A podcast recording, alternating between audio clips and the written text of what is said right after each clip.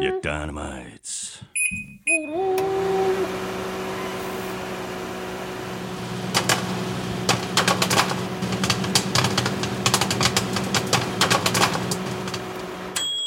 them the 20 points, man. you gave us a chance at the end, but I got three words for you. Feels great, baby.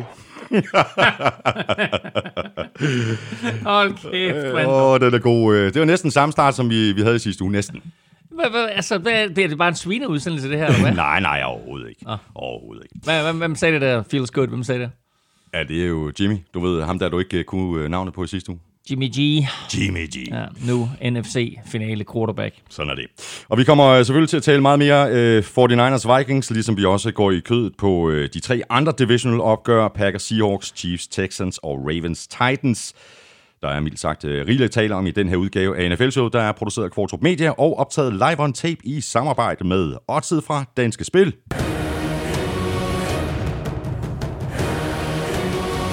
Og tafel. Vi ser øh, naturligvis også frem til øh, konferencefinalerne i den øh, kommende weekend, og derudover så kan du glæde dig til øh, det quiz fra Armstrong, Stats fra Willumsen, ugen spiller fra Tafel, og så har øh, Elming som sædvanlig masser af skarpe spilforslag med, som du kan bruge på oddset fra Danske Spil.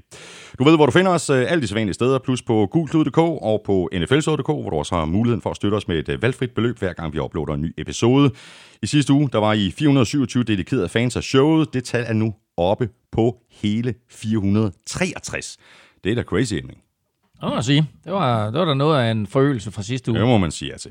Tusind tak til hver en af jer. Vi øh, trækker lod øh, blandt øh, jer om øh, den her øh, Texans-trøje, som vi fik af Anders Salomonsen for et øh, par ugers øh, tid Ja, siden. så og smider jeg lidt vi- oveni. Jeg har lidt, lidt ekstra lir med hjem fra, det. fra Texas. Det er super. Så der er lidt, lidt, uh, lidt Texans ting, og der er lidt Dallas Cowboys ting. Og lidt af. Fremragende.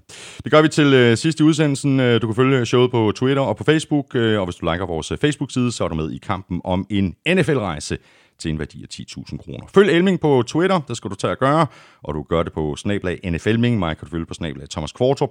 Tak fordi du downloader og lytter og bruger lidt af din tid sammen med os. Tak i øvrigt også for de seneste anmeldelser i iTunes. Jeg hedder Thomas Kvartrup, og her kommer helt officielt min medvært. Jeg glæder mig. They used to be the Oilers a long, long time ago. when they played in the Houston Astrodome. Det er også fedt, var. Titans sikken historie i år. Det er, øh, det er en, en øh, lille eventyrhistorie, som vi fulgte fra det øjeblik, at de øh, var 2 og 4, skifter quarterback, og øh, så finder den helt rigtige formel med en heavy dose af Derrick Henry, du tosset, og så stadigvæk øh, en øh, sikkert, sikkert spillende quarterback i Ryan Tannehill. Tannehill. Ja, det er helt fantastisk. Men i det hele taget, så kan man da ikke øh, sige, at vi blev snydt i den her weekend for øh, fantastisk fodbold. Nej, både og. Nej, vi fik jo masser af fantastisk fodbold, men jeg synes jo faktisk, at, at weekenden, som jeg jo ellers plejer at kalde årets fedeste fodboldweekend, mm, mm. jo ikke helt levede op til wildcard-runden. Jeg synes jo faktisk, at wildcard-runden var federe, mm. sådan med de kampe og de afgørelser, afgørelser vi fik. Uh, men altså, det er svært at sige noget til Altså, vi en fik weekend, over- hvor vi får Titans sejr over Ravens, som får det her vanvittigt comeback af Chiefs. Jeg ville selvfølgelig gerne have haft øh, den første kamp søndag til at gå anderledes, eller lørdag var det jo. Mm, mm. Uh, men ellers så var det jo en, øh, øh, ja, hvad skal vi sige, fire retfærdige vinder, der står i, i øh, konferencefinalerne nu. Kan du ikke lige prøve at hive øh, fat i øh, taffesækken, øh, Elming? Øh, der er gode ting. Der er gode ting. Jamen, øh, vi åbner op med en, øh, naturligvis en chili cheese rings. Så har vi en øh, holiday. Så kommer der en øh, peanut rings. Alt sammen gode ting. Ej, så kommer den her. Den er, Den skal vi have åbnet, for det, det er længe siden, vi har haft det. det er det. Chipotle cheddar. Den er fantastisk god. Den åbner vi lige. Sådan der, godt. Og så kan jeg se, at der er noget mere hernede. Jeg er ikke sikker på, at, øh, at jeg har lyst til at fortsætte min graven ned i posen. Først så kommer der nogle røde pomponger, som øh, var til stede til øh, mit lille dinnerparty i lørdags. Jeg har lånt dem af, af Rasmus Skov. Ja, det har du. Så øh, røde pomponger i, i 49ers farver, og så kommer der noget hernede også. En 49ers trøje med nummer 85. Og det er ikke engang en kittel. Det er ikke engang Kjell. Det, er en- det er en gammel en. ja, Lloyds. Lloyds. Brandon Lloyd. Ja. Så, nå, uh, Mr. One Hand Catch. Så, Exakt. nå, jamen, fedt nok, Thomas. Jeg skal sidde her og grave 49ers ting frem med tafelsækken.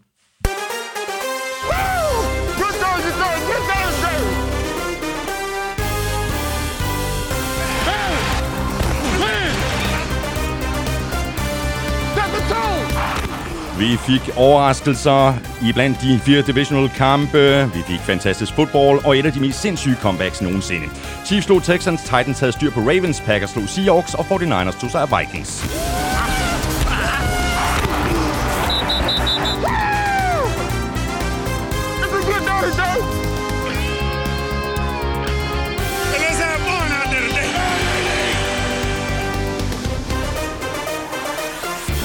Nu er vi klar til de to konferencefinaler i AFC tager Chiefs imod Titans. Der er denne sæsons helt store positive overraskelse, og i NFC, der mødes 49ers og Packers. Det kan næsten kun blive godt. Jeg hedder Thomas Kvartrup, og med mig er Claus Elming.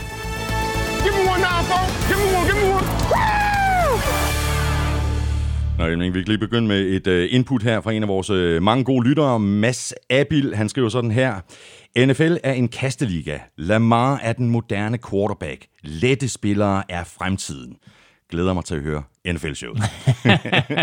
Jamen altså, det er jo alt sammen rigtigt. Og så ser vi jo netop i den her weekend, øh, hvordan, og vi har jo talt om det nogle gange, hvordan øh, NFL er en cyklus. Og hvordan, øh, når, når ting går i en retning, og, og holdene så prøver på at, at finde et modsvar, jamen så kommer der igen et modmodsvar. Mm. Og det så vi faktisk lidt i weekenden her, og har set det i, i de sidste par spilleuger, selvfølgelig i form af Derrick Henry, der pludselig får enorm succes, fordi han er dobbelt så stor som, øh, som de defensive backs, han, han møder, og øh, er større end de fleste linebackers, fordi de her linebackers, de skal være så dygtige til at dække op imod kastet.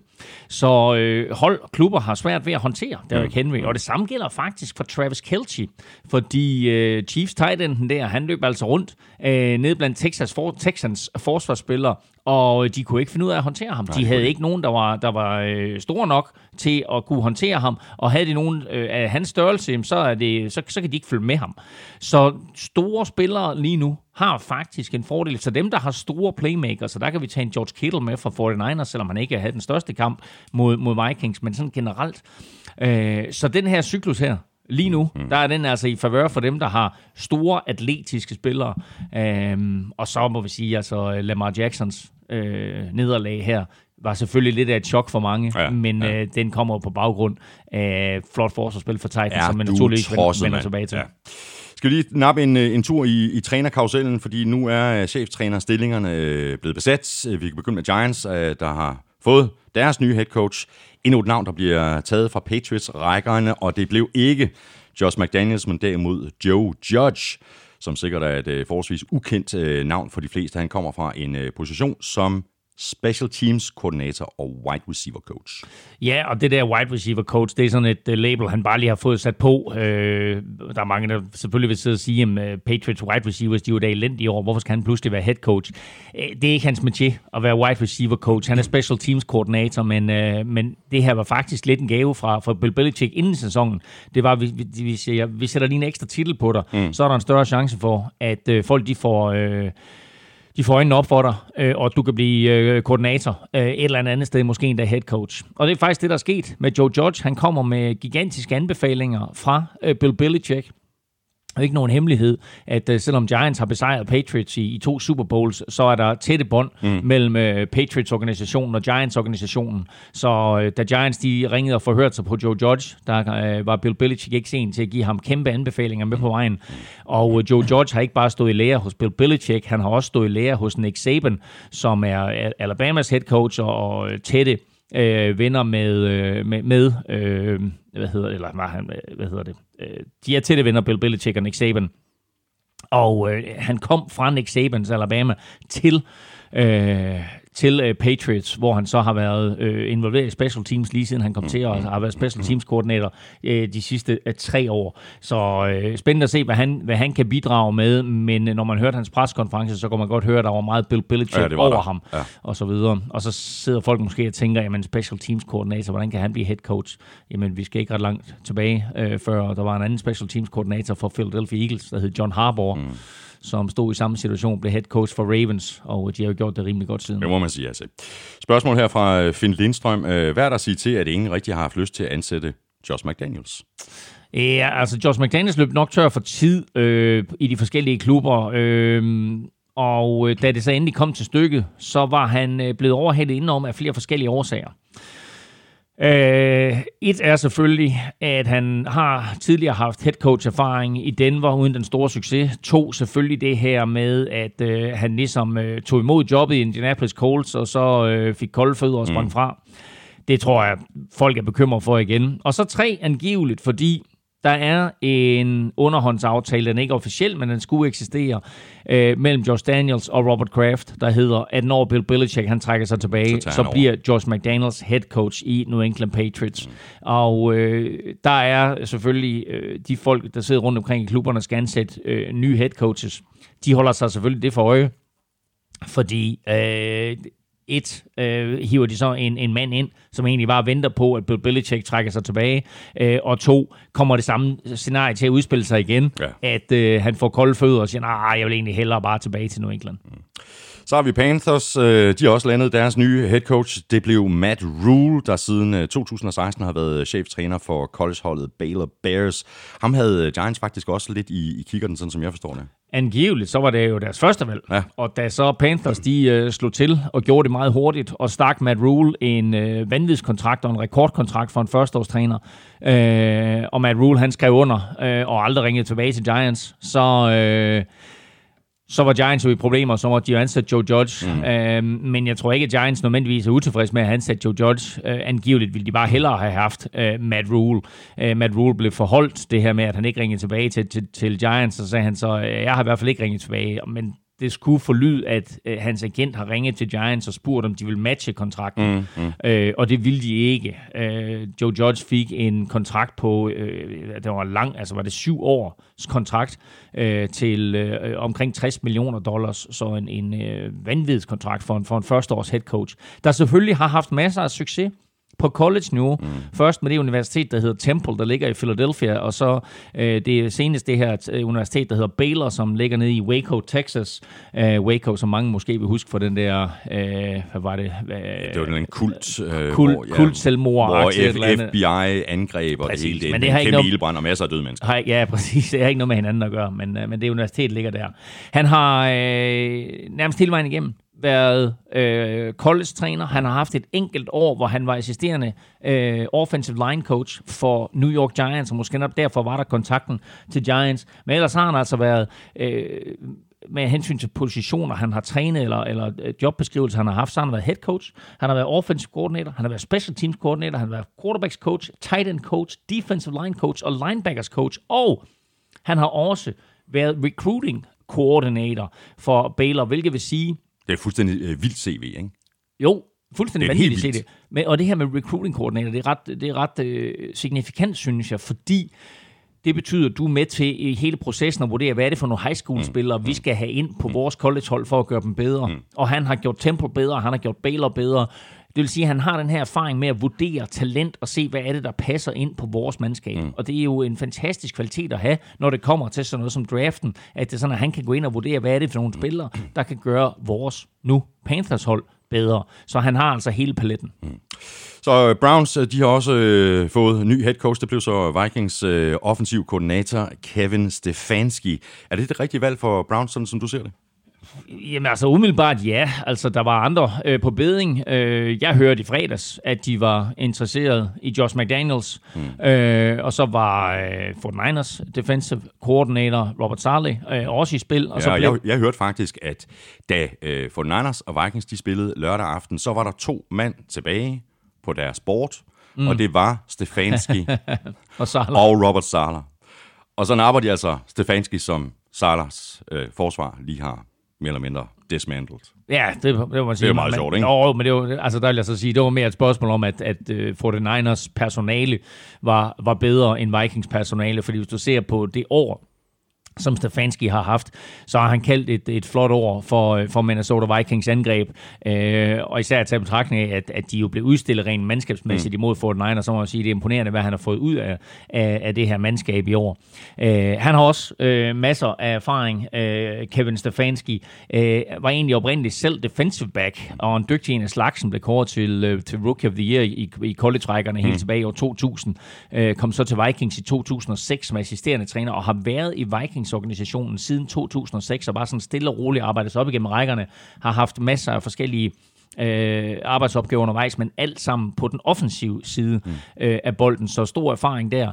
Øh, og så har han jo så i det seneste år jo også øh, fået lov til at lære af Kubiak-familien, og det betød også noget for Browns, at det her Kubiak-system mm. kommer ind, for hvis du ser på det, så principielt så er der tre af de fire hold, der er tilbage i NFL i år, der kører en variant af Kubiak-systemet. Øh, og sidst de kørte det her Kubiak-system, det var rent faktisk, da Kyle Shanahan var offensive coordinator. Mm. Så, øh, så det, det er sådan lidt sjovt. Øh, og øh, nu... Øh, har han, øh, nu har han så øh, Kevin Stefanski her et fået lov til at, at, at lære hele vejen igennem der, men to, så har han også fået lidt ind med modermælken eller fadermælken, om man vil, fordi hans far, Ed Stefanski, er en øh, mangeårig øh, GM og øh, højtstående inden for øh, forskellige mm. NBA-klubber. Mm. Så hele den del der af personalehåndteringen og igen talentvurderingen og sammensætningen af et hold, har han jo også øh, sådan fra, fra fædrene ophav. Øh, så, så han har en masse kvaliteter, af Kevin Stefanski. Mm, ja, fordi det er jo lige præcis øh, noget af det, som øh, de har brug for i Cleveland. Det er altså en person, der kan komme til at stå i spidsen for det her mandskab, der netop kan få styr på ånden i huset, altså skabe en, skabe en vinderkultur og øh, altså, at det hele det kan komme til at hænge sammen, fordi det gjorde det ikke i år. Nej, præcis, og, og nu kommer han selvfølgelig ind og bliver head coach med ansvar for, for den offensive side af bolden, og så er der allerede forlyden om, at han tager Wade Phillips ind som defensive ko- koordinator. Der er to andre i spil, og det er Steve Wilkes, som er defensive koordinator mm. i øjeblikket. Og så Vikings defensive coordinator, der hedder George Edwards, som øh, har kontraktudløb, og som Vikings angiveligt ikke forlænger. Mm-hmm. Men det kunne være rigtig, rigtig sjovt, hvis øh, Wade Phillips, på trods af at han er 72 år gammel, øh, kommer ind og, og, og får sat lidt skik på det her Browns forsvar. Mm.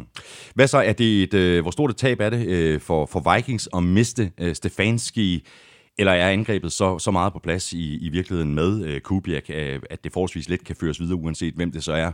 Der bliver den nye offensiv koordinator? Det har jeg meget svært ved at vurdere. Det er jo også en interessant situation, Vikings har stået i, at Jane har haft en offensiv koordinator i Kevin Stefanski, og så har, har, har, Kubiak, øh, både far og søn, der jo stået lidt i baggrunden mm. og hjulpet til. Mm.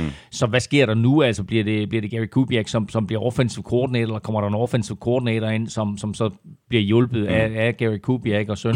øh, eller hvad kommer der til at ske? Øh, det kan jeg ikke vurdere. Det første, der skal ske for Vikings, det er, at de skal opgradere den offensive linje, mm. og det tror jeg, det er 3. 4. 5. år i træk, vi sidder og siger det. Mm. Spørgsmål her fra uh, Anders Erbo Hansen. Uh, hvordan ser Claus egentlig fremtiden for Vikings? Var det jeres vindue, der blev lukket? I har et uh, aldrende hold og negativ cap for næste år, så der skal vel ske markante forandringer inden næste sæson. Nu har du selv lige nævnt den, den offensive linje. Ja, ja, altså det der med negativ cap, det er jo så så, fordi der kommer 15 millioner dollars oveni her, og, og capet kommer til at ligge på omkring 200 millioner dollars, så der er ingen, der har negativ cap. Øh, men øh, Nej, jeg tror ikke, vinduet er lukket. Jeg tror overhovedet ikke, vinduet er lukket. Altså, alle, alle topspillerne øh, er på kontrakt. Vi har et, et super solidt forsvar, øh, og øh, det, kan, det kan sagtens opgraderes på nogle enkelte positioner, og så skal den offensive linje øh, forbedres. Og så øh, måske en, en, en, en kapabel tredje receiver ind. Men ellers så synes jeg faktisk, at det her det er et meget, meget talentfuldt mandskab skal vi næsten lige nævne øh, historien med øh, Julian Edelman, der blev øh, anholdt i lørdags i Beverly Hills for at hoppe på kølerhjelmen af en, af en Mercedes. Det kan også være svært at administrere al den fritid, når man nu er vant til at spille fodbold i januar. ja, præcis. Han er ikke vant til, at han er fri i januar. Men det havde han, og så tager han til Los Angeles, og jeg ved ikke, om han er gået på druk, eller hvad der er sket, men i hvert fald, så står han, og, øh, og han, er, han er tidligt fuld, så, fordi han stod og hoppede på en bil klokken 9 om aftenen. så øh, det kan være, han har siddet og set college football og fået sådan en lille pind i øret, og øh, der er ikke rigtig forlydende om, øh, hvorfor han skulle stå og hoppe på den bil, om, øh, om han var glad over en eller anden college-sejr, eller, eller det var noget helt andet, det drejede sig om. Men øh, i hvert fald, så bliver han anholdt, og nu er de sidste forlydende, det er, at der bliver lagt øh, sag an, og om det så bare er, at han skal af med nogle penge, eller det rent faktisk er noget en eller anden form for straf involveret, det må vi se, men altså, og, og Patriots har så også udtalt, at vi er klar over, at det her det er sket, og mm. har ikke yderligere kommentarer til det. Øh, og det er jo bare sådan, altså, det er sådan endnu en ting, hvor man siger, okay, den her Patriots-organisation, ikke den her sammentømrede Patriots-organisation, mm, mm. er den ved at falde fra hinanden? Ja. Altså, er det det, vi er ved at se? Ja. Og nu skal vi selvfølgelig ikke uh, slå alt for stort brød op her og, og gøre det her til en større situation, det er. Men det er bare sådan en af de der superstjerner, ikke? Altså, det er stadigvæk den regerende Super Bowl MVP. Præcis som står og hopper på en bil, ikke? Altså, havde det været Gronkowski, så var der to ting. Så var du sagt, nej, det er Gronkowski, og så to stakkels bil. Mm. nu er det Edelman, så siger man, hvad fanden sker der? altså. Præcis, stakkels bil, ja. bil, hvis det havde været Gronk. Ja. Nå, øh, Elming, skal vi tale lidt øh, college football, fordi øh, college-finalen mellem øh, Clemson og LSU øh, blev jo spillet i, øh, i nat, dansk tid. Øh, LSU trak fra i anden halvleg. Øh, slutresultatet blev 42-25, og der var jo flere spillere fra den her kamp, øh, der kan gå højt i draften til, til april. Øh, ikke mindst øh, LSU quarterback øh, Joe Burrow. Jo, men altså, jeg tror, det er 100% sikkert, at han bliver draftet nummer et, og øh, hvis, hvis alt går, som, øh, som præsten prædiker, så bliver det selvfølgelig Cincinnati Bengals, der tager ham. De har første draft pick, og jeg kan ikke se, hvorfor de skulle trade sig ud af det første draft pick. Mm. Så øh, Bengals fans, I kan godt gøre klar til at, at købe en Joe Burrow-trøje. Øh, han er en kæmpe held i, øh, i LSU og øh, vinder mesterskabet her. Og det er det første mesterskab til LSU, efter man har indført det her College Championship Playoff-system. Øh, og øh, han har været fænomenal mm. i år og det er han også i den her kamp. Det starter lidt, lidt, øh, lidt, lidt, lidt sløvt for begge mandskaber, øh, og så kommer Clemson faktisk foran, øh, og så øh, er LSU's forsvar bare skarpt i resten af kampen, og så må vi sige, så sætter han bare masser af point på tavlen, og det gør han ved at kaste til, til et par unge receiver, som øh, vi først får se øh, i NFL, ikke i den kommende sæson, men næste sæson. Øh, og øh, der var i det hele taget øh, masser af talent øh, i den her kamp, som vi kommer til at se i NFL, både i den kommende draft og i næste års draft. Og i næste års draft, der er det selvfølgelig den her quarterback, vi har talt om på gang, der hedder Trevor Lawrence, som vi får at se. Uh, men, uh, der er faktisk et spørgsmål uh, han, lige præcis uh, angående ja. Trevor Lawrence fra uh, Johnny Lykkesborg Frederiksen. Han skriver, kan man forestille sig, at Trevor Lawrence fra Clemson tager et fjerde år i college, hvis et i situationstegn dårligt hold ender med det første pick i draften i 2021. Det er jo som regel et, et forholdsvis dårligt hold, der vælger, vælger et. Øh, Ja, altså spørgsmålet er selvfølgelig interessant. Nu har han spillet sit andet år, Trevor Lawrence, ikke? Altså nu her til den kommende draft, der kommer Joe Burrow, han bliver draftet etter, og som, som det ser ud nu, så bliver Trevor Lawrence draftet etter i 2021. Uh, og spørgsmålet er selvfølgelig relevant, fordi der har han spillet tre år, og kan principielt tage et fjerde år i mm. college. Uh, men vil han det? Altså et, så uh, risikerer han en skade, Øh, to, han kommer til at gå glip af en masse millioner. Mm. Øh, og tre, han kan også være manden, der kommer ind på et dårligt hold, øh, og så vinder øh, hele det hold om, og, og sørger for, at de går fra øh, Bryggelknappe og det hold, der havde første draft pick til at vinde Super Bowl på år senere. Der er til gengæld en helt anden øh, interessant diskussion, som jeg har hørt, og det er med Nick Bosa i mente, hvor han bliver skadet i oktober, og vælger at sige, jeg sidder ude mm. resten af året, kommer ind, bliver draftet to år i NFL og har en fantastisk rookie-sæson. Der er der jo nogen, der spekulerer i, skulle Trevor Lawrence bare vælge at sidde ude mm. hele sit tredje år i college. Nu har han bevist med to år. Han taber sin første kamp. Det er hans, første, det var hans kamp nummer 26 i college, det her. Det er den første kamp, han har tabt. Det er også fuldstændig vanvittig statistik. Okay. Han kommer til at slå alle. Han kommer til at slå Baker Mayfield, og han kommer øh, til, at, til at slå øh, øh, alle de her øh, andre unge quarterbacks, som er kommet ud af college med fantastiske statistikker. Øh, han er 25 og 1 nu i college-sammenhæng. Og der er folk, der spekulerer i, og jeg tror ikke, det kommer til at ske, men det er bare en interessant tanke. Han skal have tre år i college, mm. før han kan komme ind i NFL. Øh, det er sådan en, en stiltigende aftale øh, mellem øh, Spillerforeningen og, øh, i NFL og så øh, college, øh, hvad hedder det, ja, dem der styrer college-regler, mm, eller mm. college i det hele taget. Øh, og øh, hvis han vil undgå skader, og alle folk ved, at han bliver taget i der, skulle han så bare sidde ude? Det er alligevel vildt at sidde ude i, i en hel sæson. Der, der, der, kan, der kan altså også komme andre quarterbacks, som lige pludselig, lige pludselig gør det godt, og vi har jo set det før. Altså nu sidder vi og taler her øh, et øh, par måneders tid øh, før draften. Lurer mig, om der ikke kommer nogle navne meget højt op, som vi nærmest ikke rigtig taler om nu. Det er jo sådan, det, er jo sådan, det går hvert år. Jo, selvfølgelig gør vi det. Og, og øh, jeg kan da også huske, at øh, Teddy Bridgewater mm. øh, blev talt om, at han blev, han blev draftet etter, og så endte han med at blive draftet som 31 eller sådan noget mm. i, i det år, da der var 3-4 quarterbacks, der blev draftet før ham. Ikke? Øh, men, øh, men Joe Burrow bliver draftet et, og der er ikke nogen, der overhaler ham, uanset hvad der kommer til at ske fra nu af så til april. Øh, og jeg synes bare, den der tanke der, er sådan øh, lidt vildt, fordi det, der er sket, er også ikke, at, at der er jo så meget fokus på, at de her college-spillere, at de er glade amatører, mm. øh, og de spiller college-fodbold selvfølgelig for at have det sjovt, og vinde nogle mesterskaber, og hygge sig med deres venner og sådan noget, ikke? og det er jo en fed sport, men i den sidste ende, så de der topatleter, som kan forvente at få en NFL-karriere, skal de risikere liv og lemmer øh, ved at spille en brutal sport, uden at få betaling for det overhovedet?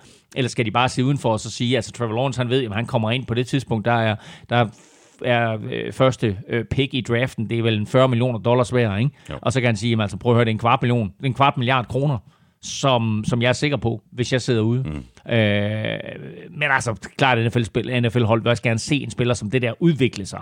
Og vil gerne se ham blive bedre, og vil gerne se, hvordan han håndterer det her, efter nu har han tabt det i en kamp. Ikke? Mm. Øh, men altså, øh, som det ser ud nu, så er han sikker på at blive første draft pick i 2021, og Joe Burrow her i 2020.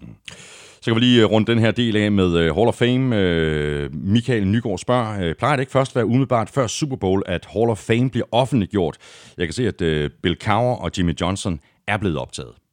Jo, og det er det også, men det er fordi her i forbindelse med, at NFL fylder 100 år, så øh, kommer der 15 ekstra mænd ind i Hall of Fame. Der har man simpelthen valgt at sige, at det her det er sådan en centennial class, øh, altså sådan en, en jubilæumsårgang, og der, øh, der er de to første blevet nævnt, og det er to trænere, Bill Cowher, og da Bill Cowher han blev udvalgt øh, på live tv, så var der straks ramaskrig på Twitter og andre sociale medier. Hvorfor er han så ikke valgt, og hvorfor er han ikke valgt? Ja, ja. Men altså, der er lige der er 14 tilbage, ikke? og nu er, nu er nummer 14 så blevet valgt, så det er så Jimmy Johnson, den tidligere Dallas. Som også blev øh, Dallas Cowboys head coach. på, på, på live tv i pausen øh, Packers Seahawks. Præcis. Og Jimmy Johnson, han kunne knap nok få luft. Ja, han, han var meget berørt af Ja, det, ja. ja. og det viser selvfølgelig også, hvor stort det er.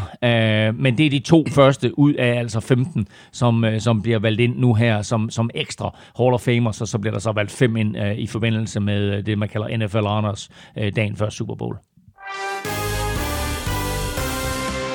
Vi skal have quizzen! Åh, oh. Det er tid til quiz, quiz, quiz, quiz, quiz. Hvad er du med? Jamen, jeg havde så svært ved at vælge quiz til dig. det nu. rigtigt? Jeg Var havde der- var der meget at jeg vælge havde imellem? så mange gode. Nå, det er men godt. du får den her, øh, fordi det omhandler en af mine yndlingskampe. Mm-hmm. Øh, For, Kansas, for Niners Vikings? Eller? Kansas City Chiefs leverede det fjerde største comeback i slutspillets historie mod Houston Texans, da de vandt efter bagud med 24 point. Mm. Det største comeback er på 32 point. Men hvem leverede det, og hvem var det imod? Det, det er slutspils comeback, ikke også? Slutspils comeback, korrekt. Ja. Can't do it. Nå. Ved du hvad, øh, det vender vi tilbage til, øh, og det var på 32 point. 32 Det point. er godt nok vildt, ikke? Hvem leverede det, og hvem var det imod? Yes, godt. Øhm, du får øh, digtquizzen her fra vores øh, husdigt pusher Søren Armstrong lyder sådan her. Niners smed kaptajn Kirk fra bord. Ravens glemte helt, hvordan man gjorde. Chiefs spillede kun 25, og sejren kunne sagtens have været større. Ryan Fitz Tannenbaum er dette års Nick Foles. Med Derrick Henry vinder de samtlige bowls. Tre kampe i streg med 100 gange 2. Med de tal fylder han disse to legenders store sko. Derrick Henry kom for tredje kamp i streg over 200 yards fra scrimmage. Hvilke to har gjort det før ham? I det hele taget, eller i playoffs? Ej, det må næsten være i det hele taget. Det må være i det hele taget. Nå, okay. Interest, interesting. Ja, det har jeg ingen anelse om. Prøv lige at trykke på knappen derovre. Sådan der. Can't do it. Det skal nok blive øh, underholdende, når vi Ja. når til, til svarene i de her quizzer. Godt. Ved du hvad, så hopper vi i kampene, Elming. Vi tager øh, de to øh, NFC-kampe først. Det betyder så, at vi kan tale øh, konference-matchup efter vi har gennemgået kamp nummer to. Øh, vi lægger ud med den første divisional-kamp, der blev spillet. 49ers Vikings endte med en sejr til 49ers på 27-10, og vi så den sammen, Elming, i din øh, meget, meget lilla øh, lejlighed. Det var hyggeligt, men vi er enige om, at øh, 49ers de stadigvæk ikke er blevet testet, ikke? Og her der blev det testet. Det blev virkelig, virkelig testet. Så her beviste de endelig, at det er et hold, man skal regne med. Uh, ej, det var en, det var en imponerende uh, indsats af 49ers forsvar. Øh, løbeangrebet fungerede også. Jimmy G øh, var, som jeg sagde sidste uge, ikke noget, som jeg frygtede. Og øh, jeg synes også, at der skete det, at øh, Kyle Shanahan rent faktisk begyndte at frygte at give øh, bolden til Jimmy G og lade ham håndtere det, fordi det her det blev et spørgsmål om, at, at øh, 49ers havde fundet den øh, kilden til sejr, og det var at løbe bolden, og så lade, og så lade forsvaret øh, håndtere Vikings. Og, og det var helt vildt så åndssvagt, altså hvor, hvor meget de løb bolden. Løb de bolden 47 gange i den her kamp. Det var helt åndssvagt. Ja, kastede bolden 19, ikke? Ja, ja. Så, øh, og øh, Garoppolo completed kun de 11, og, og kastede øh, godt nok et touchdown på sin første angrebsserie, hvor mm. han bare spacerede ned ad banen. Mm. 5, 5 ud af 6, og klart hans, hans øh, bedste angrebsserie. Præcis, ja, det, det var hans bedste angrebsserie, Ja, ja, men altså Fort Niners har jo masser af gode angrebsserier i, i kampen her, i modsætning til Vikings. Øh, han kaster en interception senere, og det gør han efter, at han er heldig ikke at have kastet en interception tidligere. Og øh, på det tidspunkt, der stod, det, der stod det ret klart for mig, at Kyle Shanahan har en lille bitte smule bekymret for at lade øh, Jimmy Garoppolo spille imod det her Vikings forsvar. Men det viste sig så, at, at der var ingen behov for at, at, at tvinge bolden ind i hænderne på, på Jimmy Garoppolo, fordi øh, 49ers var så dygtige til at løbe. Og hvor vi har talt meget om, om Raheem Mostert øh, og til dels Matt, Matt Breida, øh, så var det netop Tevin Coleman, den tidligere Falcons-spiller, som øh, Kyle Shanahan har hævet ind, som var den store running back for, for 49ers i den her kamp med over 100 yards. Mm. Og det er jo lige præcis øh, øh, en af de ting, som man kan sige om Kyle Shanahans øh, angreb og løbeangreb, at øh, det, det handler ikke så forfærdeligt meget om, øh, hvem running backen er. Altså, de, øh, de gør det som regel øh, stort, stort set øh, ja, mere eller mindre øh, lige godt, uanset øh, hvem han smækker ind. Og det er sådan, okay, men så har den her spiller en god dag, jamen det er godt, så får du bolden mest i næste kamp, jamen så er det så Mostert, der måske øh, Ja, får, får både og, mest. både og. Jeg er ikke helt enig, fordi jeg tror faktisk også, at det er et spørgsmål om, hvordan reagerer forsvaret på, hvad det er for en running back, der står dernede. Og jeg tror faktisk, at Vikings, de er jo meget fokuseret på, at Tevin Coleman nok primært skulle bruges til at, at gribe bolden. Mm. Og øh, det vil sige, at øh, 49ers blev ved med at tage øh, røven på øh, Vikings, undskyld udtrykket, øh, igen og igen ved at lade øh, Tevin Coleman løb bolden så meget, som det gjorde. Fordi hvis du kigger tilbage på den sidste måned, så synes jeg ikke, der er nogen tvivl om, at Raheem Mostert har etableret sig selv som holdets øh, første running back. Mm. Øh, og her, der, øh, der snød øh, 49ers ganske enkelt øh, Vikings ved, ved at lade Tevin Coleman løbe bolden så meget. Min pointe er sådan set også bare, at øh, i modsætning til et hold som, som Vikings, der, der har en helt klar stjerne øh, running back i Dalvin Cook, jamen så er der ikke en, en stjerne running back øh, hos øh, 49ers i, i det her Carl Shanahan-angreb. Øh, spørgsmål her fra Lasse Kessler øh, Grenvald, der underskriver sig som en stor fan af Jimmy Jesus. Han øh, skriver sådan her, selvom Jimmy har set øh, god ud til tider, så virker det til, at løbespillet klart har Carl Shanahans overordnede fokus. Er det et tilvalg af løbespillet og stærke running backs, eller en erkendelse af, at Jimmy er en mere risky hat at lægge sine æg i? Øh, men det er vel... Øh, det, det, det handler vel også om, at Carl Shanahans angreb, ligesom i øvrigt øh, for det øh, Vikings øh, angreb, er bygget op som et run-first-angreb, uanset hvad. Ja, og så har, øh, altså, øh, så har Carl Shanahan et, et angreb, som er bygget op omkring masser af misdirections, masser af ting, der sker, masser af ting, som forsvaret skal holde øje med. Og det er de færreste forsvar, som har været i stand til at stoppe dem. Der har selvfølgelig været nogle kampe undervejs i sæsonen, hvor, øh, hvor Fort Niners ikke har få, kunne det- få det til at fungere, øh, og hvor Jimmy Garoppolo også har, har lavet mange fejl.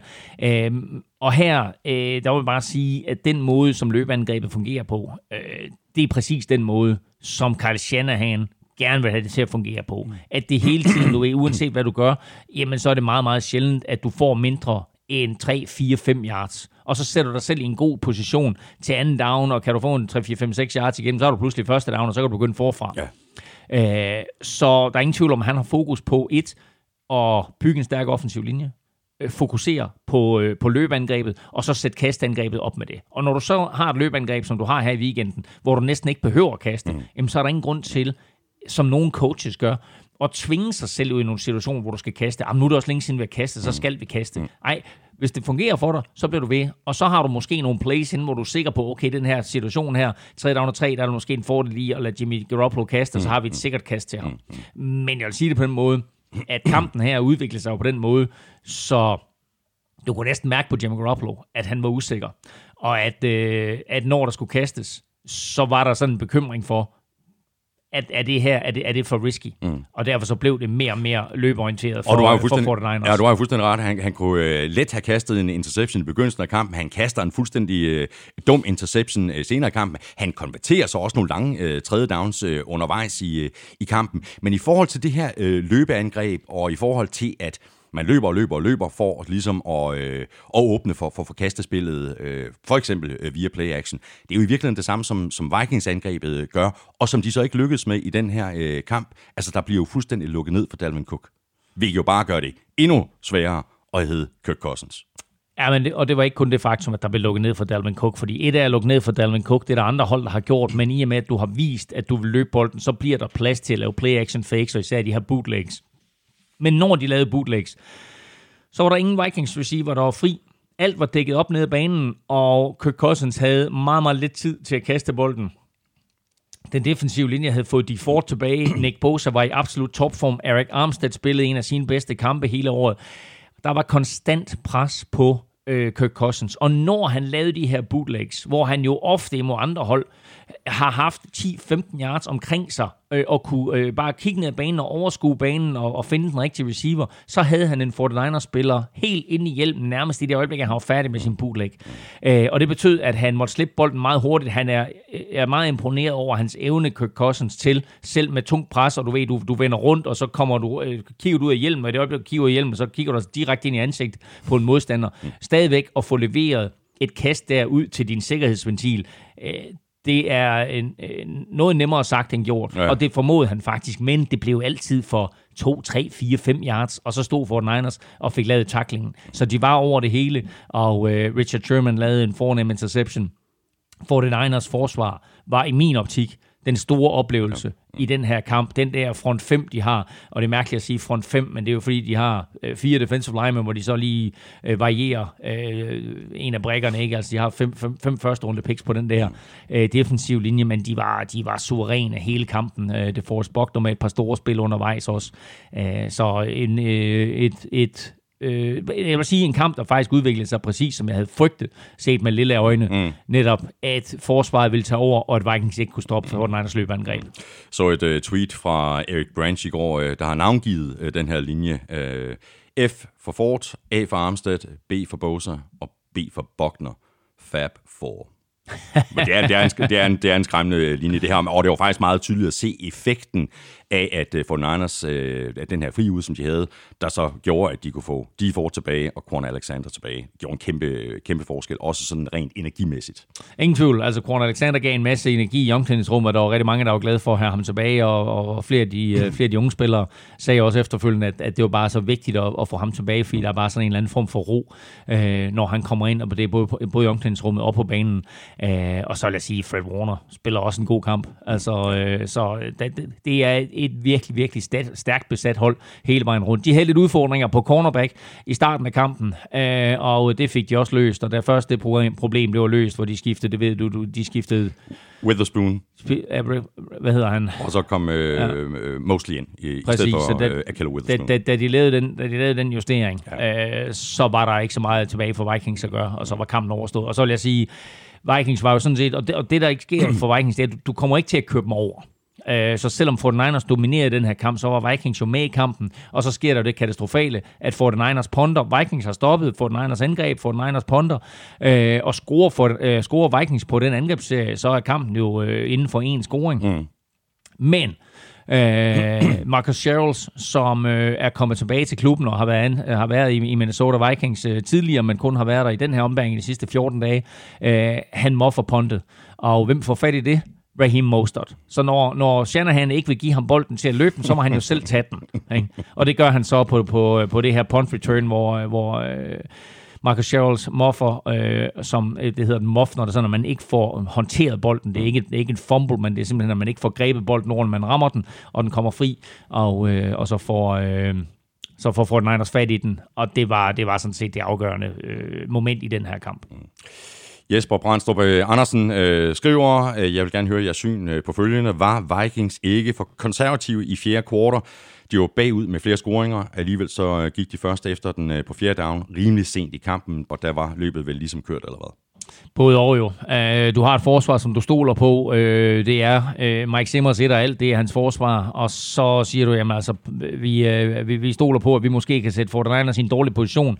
Kan vi stoppe dem inden for deres egen tierlinje, tvinge dem til at ponte, så får vi bolden tilbage i en fordelagtig position. Men fordi, altså fjerde down, når du så, hvordan Vikings havde svært ved at flytte bolden, og vi skal bare lægge mærke til, de får syv første downs i hele den her kamp. Ikke? Altså, de får syv første downs. Syv første downs, og for Niners har 6-6. Ja, ja, præcis. Ikke? Og på tredje og fjerde down, apropos om man skulle gå efter den på fjerde down, Vikings konverterer to ud af 14 tredje og fjerde downs i den her kamp. Ikke? Altså, så øh, det var et 49ers forsvar, der var totalt dominerende, og et Vikings angreb, der var meget, meget skuffende.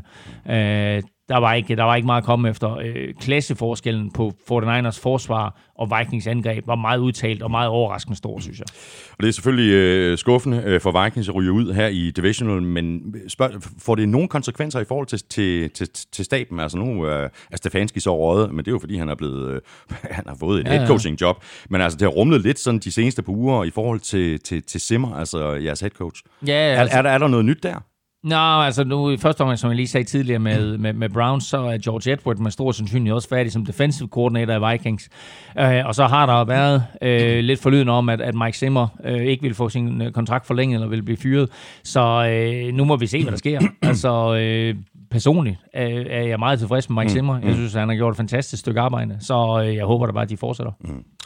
Vikings har pick øh, nummer 25 i draften. 49ers er videre, og de møder Packers i øh, uh, NFC-finalen. For det var nemlig lige præcis uh, Packers, der trak sig sejrsrigt ud af opgøret mod Seahawks 28-23. Super spændende kamp, der var åben til det sidste. Packers kom bedst fra start og førte med hele 21-3 ved pausen. Så kom Seahawks rigtig godt igen i anden halvleg. Og så sluttede Rodgers lige af med nogle helt ekstremt vigtige kast til sidst i kampen, med især den lange på tredje down, som selvfølgelig blev grebet af Davante Adams, og som tvang Seahawks til at bruge deres øh, to sidste timeouts. Men spændende kamp. Ja, og en, en, en, en lidt mærkelig kamp, fordi øh, Packers jo, øh, som vi har set øh, hele året, kommer ud, øh, styrer begivenhederne, øh, og, og øh, har øh, lagt en god gameplan for øh, de første øh, to, tre, fire angrebsserier. Bringer sig foran, som du siger, med 21-3 ved pausen, og det hele det, hele, det kører, og det er ligesom om, at, at Seahawks vil tvinge øh, bolden ind i hænderne på Marshawn Lynch, vil tvinge ham til at løbe bolden, siger man. Altså, vi øh, øh, vil, vil prøve at gøre Packers forsvar trætte, og det sker ikke, fordi Marshawn Lynch, han får altså ikke meget Nej, mere nej. end en yard på noget løb. Øh, så længe bolden ligger mellem øh, de to 1 linjer øh, der får Marshawn Lynch nærmest ingen yards, men øh, når han så kommer ned i nærheden af mållinjen, jamen, altså, så, Ja, så er han hammer, så, har- så hammer han den ind og scorer to touchdowns. Ikke? Øh, Og det er jo lige præcis det samme billede, som jeg synes, vi har set i, i samtlige tre kampe, som, øh, som Marshall Lynch har været tilbage. Han har, han har haft meget svært ved at generere yards ude på Ja. banen, og så har vi de der goal line carries. Præcis, og, og der skulle de, de måske bare have, have valgt at sige, at vi går i en anden retning, øh, når, når vi er ude på banen. Øh, og øh, jeg synes, at, at, at, at de forsøgte for meget at, øh, at, at, at gøre det her til et Marshall Lynch løbeshow. Mm. Da først øh, Russell Wilson han begynder at kaste i anden halvleg, øh, laver nogle finder til, til Marshall Lynch og hvad de ellers har af, af running, back, øh, running backs, øh, hvor de jo efterhånden øh, nærmest ikke har noget tilbage. Jo. Øh, da han først begynder at lave de her kastefinder og laver sine bootlegs, øh, og, øh, og, og står ned i lommen og overskuer banen, jamen så flytter han jo bolden. Og han har tre angrebsserier ja. på omkring 70 yards til at starte anden halvleg, scorer touchdown på de tre første angrebsserier mm. i anden halvleg, mm. og pludselig så er kampen tæt og spændende. Og så vil jeg sige, altså Russell Wilson, den måde han spillede quarterback på i anden halvleg, det var simpelthen så blæret.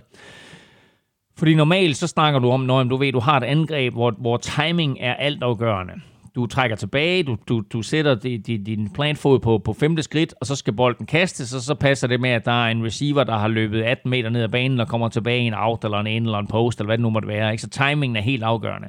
Det Russell Wilson gjorde i den her kamp, og i den her anden halvleg, det var, at han trak tilbage. Og så stod han nede i den lomme, som øh, Seahawks offensiv linje forsøgte at skabe, øh, og skabe. Og så lå han sådan set presset kom ind til sig. Og så undveg han presset og løb lidt rundt, improviseret, og gav sin receiver 6, 7, 8 sekunder til at løbe sig fri. Og det er jo det, han kan. Det er jo helt vildt. Og det er klart, du ved, uanset hvor, hvor, hvor, hvor god en backfield du har, øh, altså defensiv backfield du har, og, og Packers, er, Packers backfield er, er ganske fin, så kan du jo ikke blive ved med at dække de der receiver op, især ikke når du har en Tyler Lockett, og du har et kæmpe monster som DK Metcalf. Så han lå simpelthen bare presset kom ind til sig, så løb han, han fri af presset, så kastede han en eller anden bold ned ad banen. Øh, nogle gange blev han tvunget til at kaste den kort 4-5 yards, andre gange der kastede han den 20-25 yards ned ad banen. Mm, mm. Uh, og, det, og det er en helt un- unik måde at spille quarterback på, og selvfølgelig kan du kun gøre det, når du er så mobil, som han er.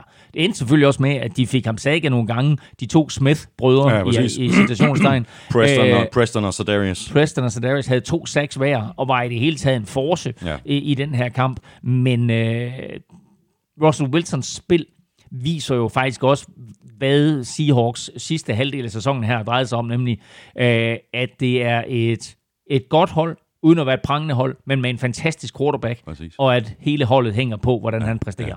Og det er der, hvor det overrasker mig, fordi øh, lige præcis det her er jo noget, vi har set igen og igen og igen og igen hele den her sæson. Det er, Russell Wilson skal ind og skabe noget mere eller mindre på egen hånd i anden halvleg, når Seahawks de skal have nogle point på tavlen. Hvorfor i alverden insisterer Pete Carroll på at lægge det så meget over på løbespillet? Han har en, mm. hvis ikke den største playmaker i NFL på holdet, i Russell Wilson, jamen så giv ham dog bolden. Mm. Fra starten. Ja, både og, fordi du kan sige, at sidste år, der så vi jo netop, hvad der skete i det øjeblik, at Seahawks begyndte at fokusere på løbeangrebet. Pludselig fandt de jo et løbeangreb sidste år, der mener jeg selvfølgelig sidste sæson. Mm, mm. Øh, og øh, det endte jo med at blive den mest effektive sæson overhovedet for Russell Wilson i hans karriere. Så det er klart, at i det øjeblik, at de fandt det her løbeangreb, og de kunne se, hvad det gjorde ved Russell Wilson, så vil man jo gerne fortsætte den tendens, og man vil gerne prøve at viderebygge på det. Når du så mister dine tre første, eller dine tre bedste running backs, øh, og du har en, en, en, en rookie ind at spille, og du har en aldrende herre ind at spille, øh, så betyder det selvfølgelig, at, at du er nødt til at omlægge strategien, men du er også nødt til at vise, at du har tænkt dig at løbe bolden for at få nogle af de andre ting til at fungere. Du behøver så ikke nødvendigvis løbe bolden i både første og anden kvartal øh, og få øh, en yard, en yard, en yard punt øh, på, på øh, 3-4-5 angrebsserier. Øh, der kan du godt variere det lidt mere og sige, fint nok, vi skal, vi skal være med i den her kamp, fordi ved pausen, der tænker man, at det, det bliver Packers, de køber dem midt over. Mm. Men øh, så omlægger de trods alt strategien, og lægger dem lidt mere over i Wilsons hænder, og så bliver det en spændende kamp til sidst. Ja, for også fordi jeg har sådan andet, altså øh, Seahawks har, har det i deres øh, nærmest DNA, at de simpelthen nægter at tro på, at de skal tabe en kamp. Altså, de er altid farlige. Jo, men det er de jo netop, fordi de har Russell Wilson. Ja. Fordi Russell Wilson er comeback-mesteren, ikke? Mm. Og hvor mange gange har han leveret comeback ud af ingenting. Øh, og her var han også tæt på det, men så ender det jo med øh, en Packers-sejr, fordi, som du siger, Aaron Rodgers til sidst leverer endnu et stort kast til Davante Adams. Davante Adams var øh, den store oplevelse i den her kamp, den connection, der var mellem øh, Aaron Rodgers og, og Davante Adams. Øh, 8, 8 bolde for 160 yards og to touchdowns. Har, ja, den connection, der var, har ikke været bedre siden sidste sæson. Øh, han har været skadet det meste af den her sæson, der var han til Adams, og øh, efter han er kommet tilbage, har han da momentvis øh, vist, hvor, hvor dygtig en spiller han er. Men her, der var han øh, måske den bedste spiller overhovedet på banen. Der var ikke noget, som Seahawks kunne gøre for at stoppe ham. Og øh, Aaron Rodgers øh, ramte ham for to touchdowns og på masser af store plays. Øh, I øvrigt en lille vild statistik med Aaron Rodgers øh, i, i den her kasteglæde NFL, hvor mange quarterbacks øh, de får pumpet deres øh, completion percentage op ved at kaste, du ved, sådan øh, bag ved line of scrimmage og en eller to yards dybt og så videre der ramte Aaron Rodgers på 6 ud af 6, når han kastede for over 10 yards. Mm. Uh, han ramte Jimmy Graham dybt, han ramte Davante Adams dybt med flere, uh, og uh, han var meget, meget sikker uh, og præcis på de her dybe kast. Og ikke mindst på den der afgørende tredje down, dybt i eget territorie, hvor hvis han ikke konverterer den tredje down, Aaron Rodgers, så får Seahawks bolden tilbage og kan udligne. Og der kaster han en, uh, det man kalder en sluggo, det hedder en slant and go, hvor receiveren først løber en slant, og så løber op i banen, og med en slanten, der håber man jo på at lokke forsvarsspilleren op, og i det øjeblik, at han kommer opad eller fremad i banen, så glider man forbi ham, og så er det meget, meget vanskeligt for øh, forsvarsspilleren at vende om og løbe med receiveren, og især når receiveren, det er Davante Adams, der både er hurtig, høj, øh, og med lange arme og stærke ja, hænder. Ja, ja. Og det sjove ved den sluggo, det er, at det var en audible fra Aaron Rodgers. Aaron Rodgers ser, hvad forsvaret stiller op i, og så kalder han en audible. Og det er en audible, som angiveligt ikke engang når ud til sidelinjen. Så head coach Matt LaFleur ved ikke engang, at der er kaldt audible. Så da han ser, at øh, der var til Adams, han, han ligesom øh, løber en anden rute, der er planlagt, så står han, hvad, hvad, hvad sker der? Ja. Og så kaster Aaron Rodgers det her millimeter præcise kast ud i hænderne på Davante Adams. Første down, okay, Davante Adams løber out of bounds, men det er lige meget, fordi mm. på det tidspunkt, der har de, der har de øh, nok tid og plads til, at kampen er afgjort men det er bare et vildt play fra Aaron Rodgers at hive op på det tidspunkt. Mm. Og det er vintage Aaron Rodgers, fordi det er det, øh, det, var det han øh, i, i høj grad øh, gjorde før LaFleur blev øh, head coach, det var jo selv at kalde spillene ved line of scrimmage, og det var at kalde de her audibles, og han styrede selv angrebet og sådan noget. Det er jo det, som, øh, som Matt LaFleur i, i virkeligheden har skulle, skulle ændre. Men nu står den på øh, konferencefinale øh, mod 49ers for Packers, og øh, det er jo en fantastisk, øh, det er jo en fantastisk præstation. Altså øh, første års øh, head coach, og så er de øh, altså bare en sejr fra at nå i Super Bowl. Ja, det er ikke så tit, det sker. Jeg tror faktisk, øh, den sidste førsteårs head coach, der førte hold til Super Bowl, uden jeg lige er 100% sikker, men jeg tror, det er rigtigt. Ved du, om det er? Mm, nej. George Seifert fra 49ers. Ah, skal vi så langt tilbage? Det tror jeg. Jeg tror ikke, der har været nogen førsteårs head coach i Super Bowl siden George Seifert. Ja. Okay, han overtog også et ret godt hold, ikke? Han overtog et rimelig godt hold, det skal siges. Nå, men øh, de har mødtes før i sæsonen, 49ers og Packers. Og Tilbage i sidst, uge 12. og sidst de mødtes var i uge 12, og der vandt 49ers 37-8. Mm, Det bliver ikke det samme den her gang. Siden det nederlag, der er Packers 6-0. De har så slået Giants, Washington, Bears og med lidt held øh, Detroit. Øh, men de har også kørt Vikings over på Vikings hjemmebane. Mm. Og de vandt over Seattle nu her. Så et par store sejre undervejs, men de er 6-0, siden de tabte den kamp. Øh, og lige sige, den kamp imod 49ers, et var, var det jo selvfølgelig en, en fuldstændig vanvittig defensiv præstation af 49ers, og der havde de også øh, den sjette brik på den defensive linje, nemlig DJ Jones til rådighed, og han spillede en fuldstændig vanvittig god kamp mm. imod øh, Packers. Han er skadet og ude, ikke at de ikke kan erstatte ham, men han var bare i min optik den bedste spiller for, for 49ers mm. forsvar i den kamp. Ham havde Packers offensive linje svært ved at håndtere. Mm. De havde så til gengæld ikke de forderkorn Alexander. De var ude med skader. Bum, bum. Ja, så, øh, men hvordan ser du det med det matchup her? Ja, jeg er ked af at sige det, men jeg tror simpelthen, 49ers de køber over. Øhm, jeg tror, 49ers forsvar i den forfatning, det er nu, øh, og så raske som de er, og igen, bare det her med, at 49ers, de fik en fri uge, mm. og fik mulighed for at få de for tilbage, øh, Cornel Alexander, øh, Jakiski Tarts øh, på safety, altså, øh, de er meget, meget raske øh, lige nu 49ers, og på den måde, som deres forsvar spillede mod Vikings, øh, og på den måde, som deres forsvar spillede sidst, de spillede mod Packers, der har jeg svært ved at se, at Packers kan nå at opfinde nok øh, til, at, at de kan øh, gøre en forskel. Øh, det er klart, at de tager den kamp, og de kigger på, hvad 49ers har gjort siden, og de kigger også på nogle af de justeringer, de selv har lavet. Øh, men altså, øh, kampen bliver, bliver nok ikke 37-8 igen. Mm. Den bliver tættere, men det bliver stadigvæk et 49ers-mandskab, der kommer til at dominere.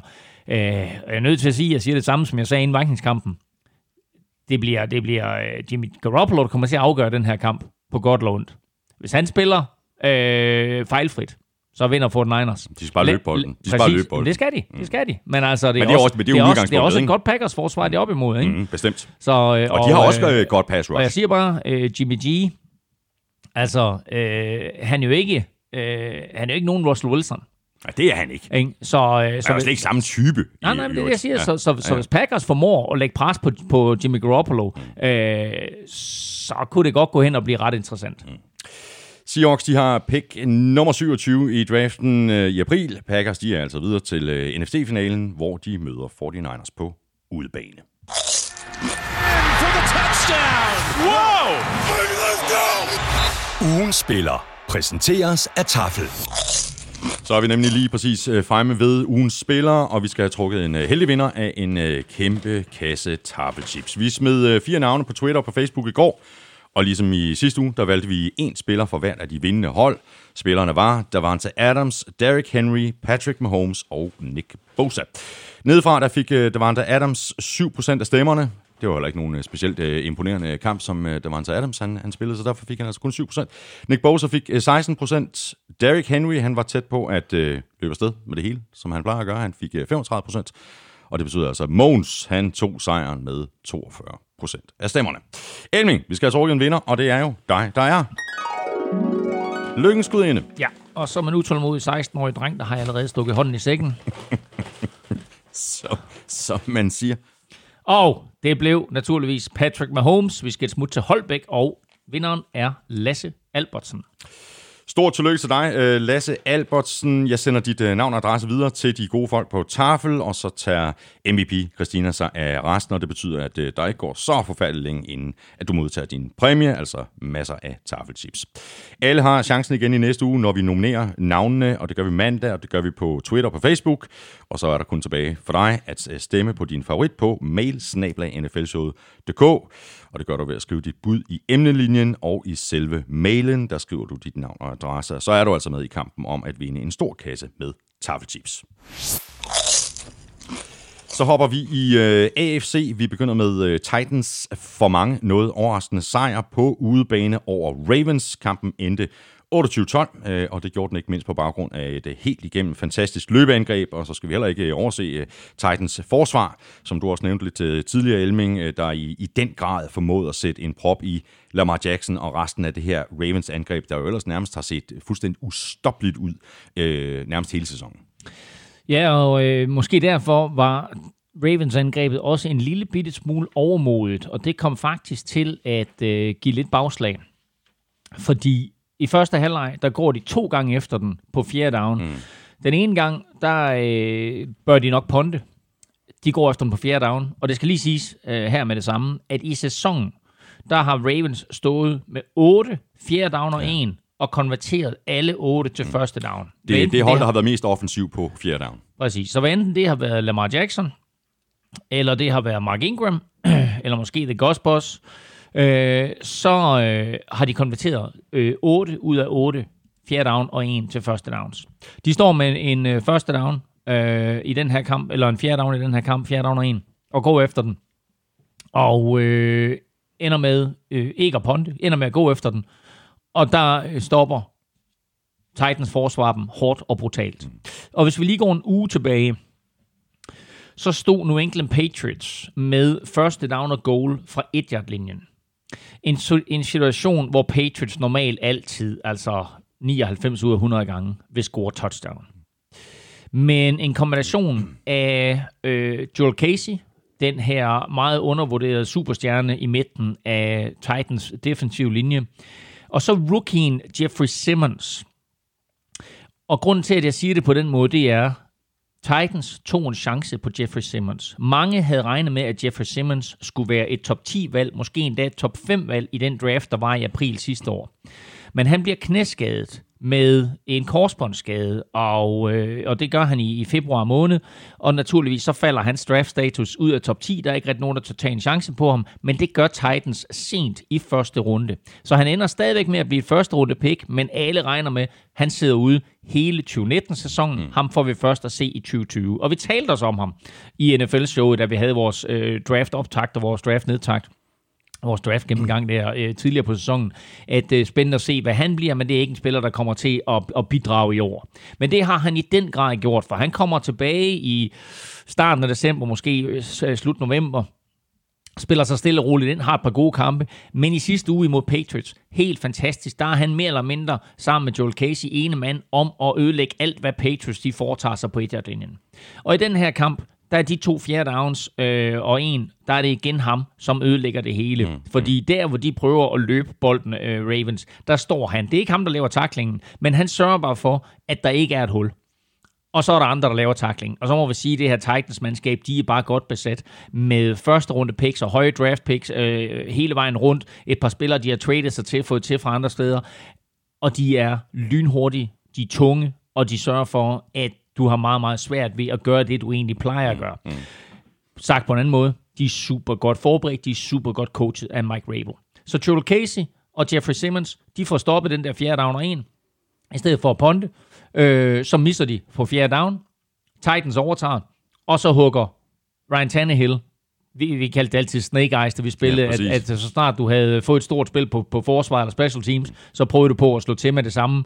Uh, og det gør de med en uh, dyb bombe til Khalif Raymond, som uh, er nok er den mindste spiller på banen. Han er vel ikke meget mere end 1,30 meter 30 høj.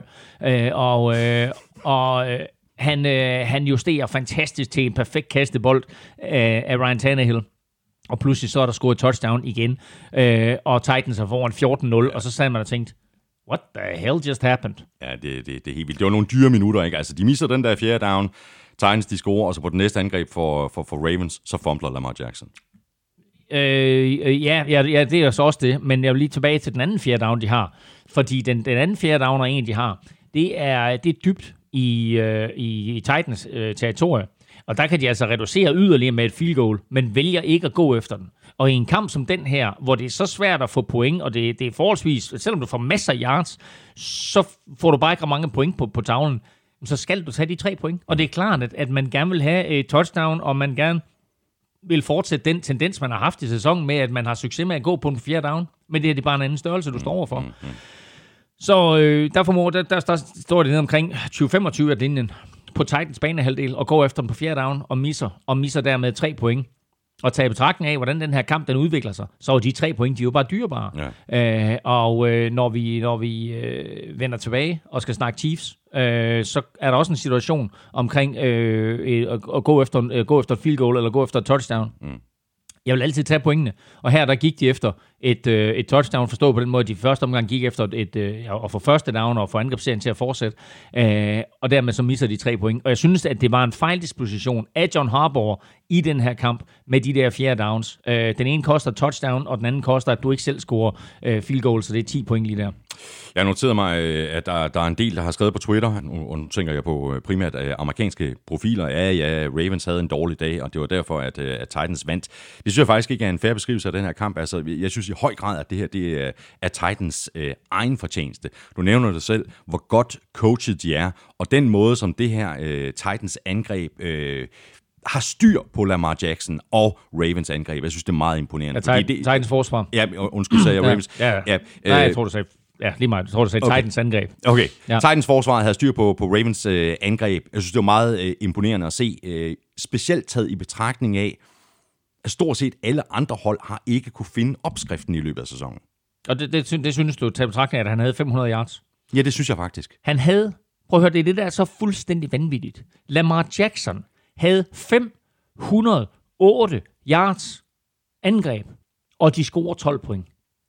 Han har 309, 365 yards passing, og han har 143 yards løb. Han har over fem, han, han har, jeg siger det bare lige igen, det er fuldstændig vanvittigt. Han har over 500 yards løb, og de formår ikke at score mere end 12 point. jeg kan godt holde med dig i, at de havde styr på ham. Men jeg synes faktisk mere, at det, de havde styr på, det var, at uden Mark Ingram, der var det her Ravens angreb, der var det et helt andet. Og nok så tillod de Lamar Jackson at løbe nogle forholdsvis lang løb. Øh, han har øh, i den her kamp, han løber bolden selv 20 gange. Øh, han har et løb på 30 yards, han har et løb på 25 yards, 22 yards. øh, han har, øh, altså, og, og, og undervejs, der viser han jo igen sine spektakulære øh, atletiske evner, altså den måde, han træder ud af taklinger på, den mm. måde, han accelererer på, den måde, han, han øh, undviger folk, snyder folk, det er, det er vanvittigt imponerende og sjovt at se på jo at de, at de kun formår at få 12 point ud af det, det tilskriver jeg simpelthen dårlig coaching. Nu beskrev jeg lige det der field goal før, ikke? Øh, beskrev også det der punt før, eller det der øh, manglende punt før, fordi hvis de punter der, jamen, så pludselig så står Titans dybt på deres egen banehalvdel. Ravens gav Titans mange fordelagtige udgangspositioner og gav dem øh, nogle, nogle de, de hjalp dem simpelthen undervejs. Og jeg synes, at det var dårligt coachet af John Harbour. Jeg elsker John Harbour, jeg elsker, hvad han har gjort. Jeg synes, øh, den måde, han har øh, coachet Ravens på, efter at han kom til, har ført dem til en enkelt Super Bowl sejr, og gør dem altid til et konkurrencedygtigt mandskab. Det faktum, at han har været i stand til at ture øh, og lægge sin offensive strategi fuldstændig om og lægge den over i hænderne på Greg Roman og Lamar Jackson, er imponerende og viser bare øh, gode lederevner og, og, og god coaching. Men jeg synes, at han på en eller anden måde er den største faktor i det, i, i det her øh, scenarie, der hedder, at Ravens som første seed i AFC ingenting præsterer i den her kamp og bliver slået ud i første runde. Altså Tror du, første runde, de deltager ja, i. ja. Tror du, det skade uh, Ravens, at, uh, at det er flere uger siden, at mange af starterne rent faktisk har, har, har spillet en kamp? Jeg overvejer det lidt. Øhm, det synes jeg var mere tydeligt hos Chiefs. Øh, Ravens gjorde det, at de, øh, altså et vidste de selvfølgelig, at de havde fri uge øh, i den første uge af slutspillet, men derudover behøvede de jo heller ikke rigtig at stille op i den sidste uge af grundspillet, så egentlig så var det jo tre uger siden, at Lamar Jackson med flere havde spillet. Og alligevel så nåede Mark Ingram jo altså ikke at blive klar. Mm. Og tight Mark Andrews var heller ikke helt sig selv. Øh, så der var noget, og øh, den ene interception, som, øh, som Lamar Jackson kaster på sin første eller anden angrebsserie, til Kevin Byard. Øh, den rammer jo øh, Mark Andrews i hænderne, og det er ligesom om, at jeg vil ikke sige, at han trækker sig, det gør han på ingen måde, men han laver bare ikke så atletisk et spil, som vi har set ham gøre tidligere, Mark Andrews. Ligesom om, at han var hæmmet på en eller anden måde, og så bliver bolden slået op og grebet af Kevin Byard. Øh, og det var jo sådan set starten på, øh, at, at det gik galt for Ravens. Øh, de har, som jeg lige beskrev før, øh, de flytter bolden fint. Lamar Jackson er, er fuldstændig vanvittig i den her kamp, men de har tre turnovers. De har to interceptions og en fumble. Mm. Øh, og øh, mange af de her turnovers konverterer Titans til point, og så kan du sige, at de der fjerde downs er jo også en slags turnovers, og de bliver også konverteret til point. Og det var simpelthen forskellen på de her to mandskaber. Det var, at Titans de slog til, når de havde chancen. De gjorde det ikke sværere, end det, end det skulle være. Nu har Tannehill spillede to playoff-kampe i år. Han har ikke over 100 yards passing i nogen af de to. Det her det har været Derrick Henry showet, men det har også været et spørgsmål om, at vi bruger Derrick Henry på en sådan måde, så når vi kaster bolden, så bliver det effektivt. Og øh, Ryan Tannehill kaster to touchdowns i den her kamp. Det første touchdown øh, nede i hjørnet øh, til øh, John Smith er jo et fantastisk kast men derudover er jo også et vanvittigt flot catch af John Smith, som øh, på atletisk vis får hævet bolden ind og stadigvæk når øh, og, og holde sig inbounds. Øh, og der var jo alle, der stod og sagde, nej, nej, nej, han var out of bounds, men man, det var helt tydeligt at se, at han var inbounds, da man så det langsomt gengivelse. Så et, et, et meget, meget flot atletisk spil, både for quarterback og, og tight end. Øh, og det andet øh, touchdown-kast, han smider, er jo bare en, en, øh, en, en bombe, øh, helt præcis lagt ned i hænderne, som beskrevet før. Øh, så når han kaster, så er det effektivt. Og så tager Derrick Henry jo bare brøden af modstandernes forsvar. Ja, du tror også. Spørgsmål her øh, fra, der kommer lige et par spørgsmål angående Titans. Øh, spørgsmål her fra Jakob Mark Hansen. Er det lige før, at man for alvor kan tage Derrick Henry med i betragtning i forhold til at blive Offensive Player of the Year, når man kigger på hans form i december, slutspillet, og hvor afgørende hans monstertunge løb er for Titans, eller er mine briller blevet alt for lyseblå?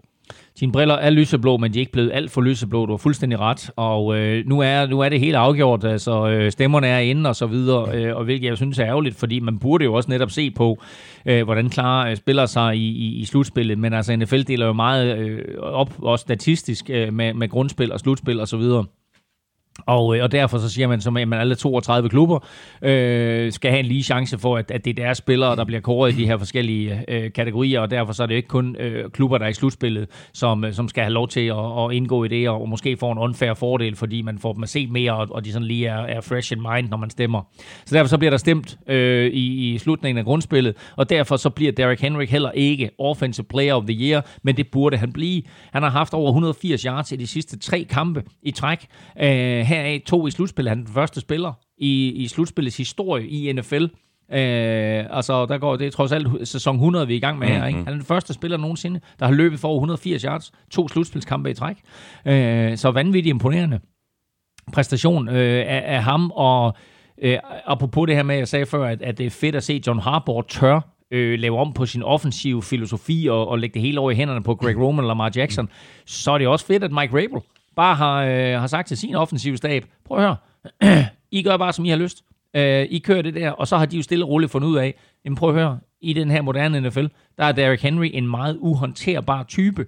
Øh, hans størrelse gør, at det kan godt være, at han ikke får særlig mange yards i første og anden kvartal, men nok altså efterhånden som kampen skrider frem, hvis vi sørger for, at han får 25-30 carries, jamen så er der en, en 14-15 forsvarsspiller derovre, der ikke har lyst til at takle ham til sidst. Mm. Og det sjove af det hele, det er, at da Titans slog Patriots, der var Earl Thomas legendariske safety for øh, Seattle Seahawks, der nu spiller for Baltimore Ravens, der var han ude at sige, at det var ret tydeligt, at der var nogle af de der Patriots-spillere, der ikke havde lyst til at takle Derrick Henry. Og hvad skete der i den her kamp? Præcis. To gange har Earl Thomas muligheden for at takle Derrick Henry. Og enten så, jeg vil ikke sige tør, det er et stort ord at bruge, men enten så er han lidt bekymret for øh, Derrick Henry, eller også ved han simpelthen ikke, hvad han skal gøre for at få ham ned. Og der er en enkelt play, hvor han kommer ud, og så Derrick Henry, han stiffarmer Earl Thomas, så Earl Thomas bliver vendt om og Earl Thomas prøver på at vende sig om, du ved, så han igen har front til Derrick Henry, og så stiffarmer han ham en gang mere, og Earl Thomas, han aner ikke, hvad der sker. Og så på en eller anden måde, så er Derrick Henry mere interesseret i at stiffarme Earl Thomas, end at holde sig inden, på, inden for sidelinjen. Så han ender så med at løbe ud over sidelinjen, hvilket er helt tåbeligt. Det havde været så sjovt, at han bare havde stiffarmet ham hele vejen ned ad banen. Ikke? Men, men det er bare, det er Earl Thomas. Det er Earl Thomas, han gør det her ved. Mm. Ikke? Han er altså, et monster. Han er et monster, det er han virkelig. Og så en sidste ting, jeg lige vil pointere med Derrick Henry. En mand af den størrelse bør ikke have den topfart, han har, og bør ikke være i stand til at læse og bevæge sig i små rum på den måde, som han gør. Han har et eller to spil i hver eneste kamp, hvis ikke flere, hvor han kommer op, læser et hul, laver en fodfinte, og så eksploderer ud af det hul, og så accelererer. Og så sker der jo det, at så er du forbi de første syv, som er folk på din egen størrelse. Og så kommer du ned imod cornerbacks og safeties, som er halvt så store, som du er. Og det er der modstanderne, de får problemet. Øh, og øh, det, bliver, det bliver interessant at se, hvordan Chiefs har tænkt sig at gribe det her an, og hvordan Titans har tænkt sig at gribe det an, fordi Titans må endelig ikke ændre offensiv filosofi, men det kan selvfølgelig være et problem, hvis Chiefs de, de pludselig er foran øh, stort, og, og man ikke rigtig har, har tid til at løbe bolden længere, men altså, det er først på søndag. Mm. Spørgsmålet er fra Jonas Germann. Øh, Titans er virkelig en af årets bedste historier i NFL. Sikke en transformation fra elendig Mariota til redningsmanden Tannehill. Det er jo et helt nyt hold. Selvfølgelig er Derrick Henry en forrygende spiller, men Tannehill har virkelig løftet det her hold til et nyt niveau. Kun 88 yards i kampen mod kæmpe favoritterne fra Ravens, men ingen fejl og et rushing touchdown. Og Finn Lindstrøm øh, supplerer. Er beslutningen om at bænke Mariota til fordel for Tannehill ikke den bes- bedste beslutning i NFL i år, og viser Titans succes ikke, at de bare er et godt coachet hold? Det sidste, 100% vanvittigt godt coachet hold. Øh, stor respekt for Mike Rabel, og det han har præsteret, er selvfølgelig ud af, af, af Patriots-skolen og ud af Bill Belichick-skolen, som spiller ikke som coach, øh, men har bare taget en masse ting med sig. Og øh, jeg synes både imod øh, Patriots og her imod Ravens, der ser vi nogle forsvarsspillere agere på en måde, som er uhensigtsmæssigt normalt, men som... Altså, det, det, det, det, det er meget svært at forklare det her, men de læser ikke de normale nøgler. Der er, nogle, der, er nogle, der er nogle keys, man kigger efter som forsvarsspiller. Hvis en guard gør det her, eller hvis en tackle gør det her, eller hvis en quarterback gør det her, eller hvis en running back gør det her, så skal jeg gøre det her. Men der læser de ikke de her normale keys, de har kigget efter, men, men, men øh, reagerer efter et eller andet, de er coachet til. Og ofte, der ender de i den rigtige position, i stedet for at blive snydt eller bragt ud af position, så står de helt. Det var meget, meget tydeligt imod Patriots, og der var også nogle situationer her imod Ravens, hvor jeg lagde mærke til, det er ikke meningen, at den linebacker, han skal ende der, men han ender på det helt rigtige sted, og det er bare suverænt godt coachet af Mike Rabel. Om det var den rigtige beslutning? Ja, det var det i den grad. Øh, det kan der overhovedet ikke have nogen tvivl om. Set i sæsonens løb, så ja, 100% sikkert, at det var den øh, bedste beslutning, der er foretaget. Ser vi, går vi tilbage til sidste sæson, og så siger, at offseason tæller med os, så vil jeg sige, at Packers hiver uh, Zedarius og Preston Smith ind, er en uh, kæmpe gevinst. Mm. Uh, den måde, uh, Texans opgraderer deres offensiv linje i free agency og, uh, og, og draften, er, er kæmpestort. Øh, det er svært øh, at sige, at, at Viking, eller ikke Vikings, ved de Fort Niners øh, drafter Nick Bosa, at det er stort, men det er også bare en god beslutning. Ja, samtidig med, at de henter de Ford. Præcis, altså, så, så, så der er nogle, nogle beslutninger, men sådan under sæsonen, i løbet af sæsonen, mm. altså siden sæsonen startede øh, i starten af september, der må vi sige, den beslutning, mod til at gøre det, Øh, du går væk fra din, fra din, dit nummer et draft pick og så videre, ikke? Og, og manden, der skulle være øh, ansigtet på, på, på holdet og så videre, ikke? Og så tager du Ryan Tannehill, som er sådan en spiller, der er kommet til i en trade, øh, eller faktisk som, som free agent jo inden sæsonen, og man bare siger, nå, men fint, eller var det en trade, det kan jeg ikke huske, men han kom i hvert fald til øh, inden sæsonen, hvor man bare sagde, nå, men fint nok, ikke? Altså, ja, det er fint, nu, nu skal han placeres der, han skal være backup. Og vi snakker om, så har de en backup, sådan så ja. hvis Mariota bliver skadet, mm. så har de en spiller, der, ja. der, der er på samme måde og har de samme kvaliteter. Mm. Men jeg skal lov for, at Tannehills kvaliteter er meget, meget bedre ja. end Mariotas. Skal vi binde en sløjfe på øh, Ravens sæson? Det er jo, det er jo skuffende for, for Ravens at gå ud på, på den her måde. Øh, alle havde, havde, havde skudt på, at, at de skulle nå hele vejen i Super Bowl for, for AFC. Ja, det havde de. Øhm, og øh, altså man kan sige meget om den her kamp, men altså man er også nødt til at holde sig for, ikke, at, at det faktum, at Mark Ingram var skadet og ikke var sig selv og, og, og stod med, med is på, på anklen og så videre, når han ikke var på banen. Altså, øh, Lamar Jackson har 20, 20 løb i den her kamp. Øh, Mark Ingram har 6, og Gus Edwards, mm. Gus Edwards har 3. De har 9 løb til sammen, de to running backs. Ikke? Det er jo ikke den måde, Ravens Nej. ønsker at spille fodbold på. Øh, og tage betragtning af, at det i godsøjne kun ender 28-12, så var det her jo et, et mandskab, som burde have løbet øh, bolden meget mere. Mm. Øh, når det så er sagt, jamen, altså, så er der andre hold, der har været ramt af skader, og som ikke har haft øh, noget problem, eller i hvert fald har en eller anden form for next man up, der kan gå ind og, og tage den der position. Så selvfølgelig var det super, super skuffende. Og så vil jeg også, som jeg gjorde lidt tidligere, lægge en del af ansvaret over på John Harbaugh. Jeg synes ikke, at det her det var en, en uh, godt coachet kamp af ham. Øh, det var, jeg, synes, jeg synes, der var for mange, for mange blunder og for mange dumme øh, ting i en kamp, når det sådan, du spiller imod Tennessee Titans. Jamen altså, øh, du ved jo næsten, nu scorer de godt nok 28, men altså det har jeg ikke, vi har jo ikke glemt også at fortælle, at, at Derrick Henry kastede touchdown også. Mm, ja, præcis. okay, altså, de kommer ned på 1 linjen ikke? Og hvad gør de så? De giver bolden til Derrick Henry. Og så tænker Raven selvfølgelig, når det er et løb, og så ender han med at kaste bolden Derrick Henry. Øh, så, så super blæret også, at han scorer på den jo. Men, øh, men, og, og derfor ender det på 28, men altså når man, i realiteten øh, kunne Ravens jo sagtens have holdt Titans til 17 eller 20 point. Og gør du det, jamen så skal du bare selv score 18 eller 21 point, og så vinder du. Og det kunne Ravens godt have gjort i den her kamp. Mm. Så jeg synes meget, at det hænger på trænerstaben. Mm. Bare lige en, en kommentar i forhold til de der to øh, fjerde downs. Øh, og jeg er jo sådan set øh, helt grundlæggende fuldstændig enig med dig. De der fjerde downs, de er meget risky. Men som du også, vi, vi talte om det lidt tidligere, de er gået på dem og fået dem 8 af 8 igennem sæsonen, og der har man jo kigget på, hold da kæft, de, de er aggressive, de er offensive.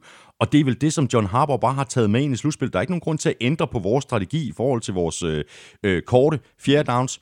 Vi går på dem, og vi får dem. Og især- og det fik de så bare ikke i den her Og kamp. især i den her tidsalder, hvor analytics betyder så meget, at du kigger på nogle statistikker, mm. du kigger på nogle tendenser, og du siger, hvad er det, vi kan. Men du er også nødt til, når, når du kigger på sådan analytics, så er du nødt til at sige, vi har ikke en Mark Ingram i topform. Mm. Det er ikke det samme mandskab. Og, og derfor så er der bare nogle ting, der ændrer sig. Og så kan du ikke bare sige, at statistikken siger, at vi skal gøre det. Mm. Du skal også lige tænke på, okay, vi er faktisk en lille smule ramt her. Det er faktisk vigtigt for os, at vi sørger for at give Titans rigtig dårlig udgangsposition, sørger for at give selv de bedste muligheder for at vinde, og det synes jeg ikke, John Harbaugh gjorde. Ravens sæson er slut. De har pick nummer 28 i draften. Titans, de er videre til AFC-finalen ude mod Chiefs. For det blev Chiefs og ikke Texans, som øh, Titans skal møde. Øh, ellers var det blevet et rent øh, AFC South-opgør, hvilket havde været temmelig vildt. Øh, men det var jo faktisk øh, mere eller mindre sådan, det så ud til at skulle gå i første kvartal og lidt ind i anden kvartal, hvor Texans uh, helt crazy førte med 24-0, fuldstændig vanvittigt. Øh, og det var så øh, nærmest endnu mere vildt, hvordan Chiefs kom igen, fik vendt det hele på hovedet og scorede 41 point i træk. Chiefs vandt resten af kampen med 51-7. Slutresultat 51 51-31 til Chiefs. Fuldstændig crazy kamp. fuldstændig crazy kamp, og en kamp, hvor, øh, hvor først så, øh, øh, apropos det her med, om, om, om, øh, om det er godt at sidde over nu og, og, og spare sine starter og så videre, øh, Chiefs virkede rustne til at starte med i første kvartal. Og det var ikke Mahomes. Mahomes var, øh, var i topform. Øh, spillede, han spillede godt hele vejen igennem, men hans receiver tabte bolden. Og øh, selv, når, når selv øh, Jason, Kel- Jason Kelsey, det er hans bror, når selv Travis Kelsey øh, begynder at tabe bolden, øh, så er der et eller andet helt galt. Mm. Øh, så, så pludselig, så øh, taber de bolden. Texans får fat i bolden. Øh, Texans får, øh, får blokeret et punt, som de returnerer til touchdown også. Så stod det 14-0. Og så øh, får de øh, fat i et, et fumbled punt også, eller et muffet punt, og øh, så står det 21-0. Og der sad man og tænkte, hvad sker der lige her? Mm. Øh, men øh, som jeg også skrev på Twitter, hvor er det sejt af Chiefs, at de lige giver Texans et stort forspring. ikke, du ved, hashtag magtdemonstration. Ja. Øh, og så kommer den her situation, det står 21-0 efter første kvartal, er det ikke rigtigt? Øh, jeg mener ikke. 21-0 efter Jo, første kvartal, ikke? Og så kommer den her situation, at øh, Chiefs har stadigvæk nullet, Texans er kørt ned øh, på 20-25 linjen for, øh, for, for, for Chiefs. De har fjerde down og en, der er lidt mindre fjerde down og meget, meget kort. Mm. Og så er spørgsmålet, hvad gør man her? Og igen, der havde jeg en, en, en forholdsvis ophedet diskussion på, på Twitter med, med folk omkring, hvad man gør. Sparker man field goal, eller går man efter at få første down? Min klare holdning, og alle dem, der har lyttet til NFL-showet, ved selvfølgelig, jeg siger, spark field goal. Du kommer foran med 24 point. Alt andet lige, så er det øh, fire scoringer. Mm. Øh, hvis du misser den på fjerde down der, så giver du en masse momentum over til Chiefs. Øh, og du ved også, at øh, Patrick Mahomes, som altså, øh, det er ikke umuligt, han kan score 21 point rimelig hurtigt. Han kan selvfølgelig også score 24 point rimelig hurtigt, men jeg synes bare, der er kæmpe forskel på at få en 24-0 og 21-0, og have scoret på, øh, på mere eller mindre øh, alle de gange, du har haft bolden. Øh, og der stadigvæk står et stort fedt 0 øh, ud for Chiefs. Der sker jo så det på det efterfølgende kickoff return, at Nicole Hartman returnerer bolden ned til midt på øh, Texans banehalvdel, og så går der kun to eller tre spil, inden øh, Mahomes han har bolden i endzone første gang. Mm. Og du snakkede lige om momentum. Og, og der er jo masser, der mener, ah, det eksisterer ikke, det der momentum øh, og så videre. Jeg er fuldstændig overbevist om, at det eksisterer, fordi man kunne mærke det. Jamen, Allerede da de re- får reduceret til 7, altså til 24-7, Ja.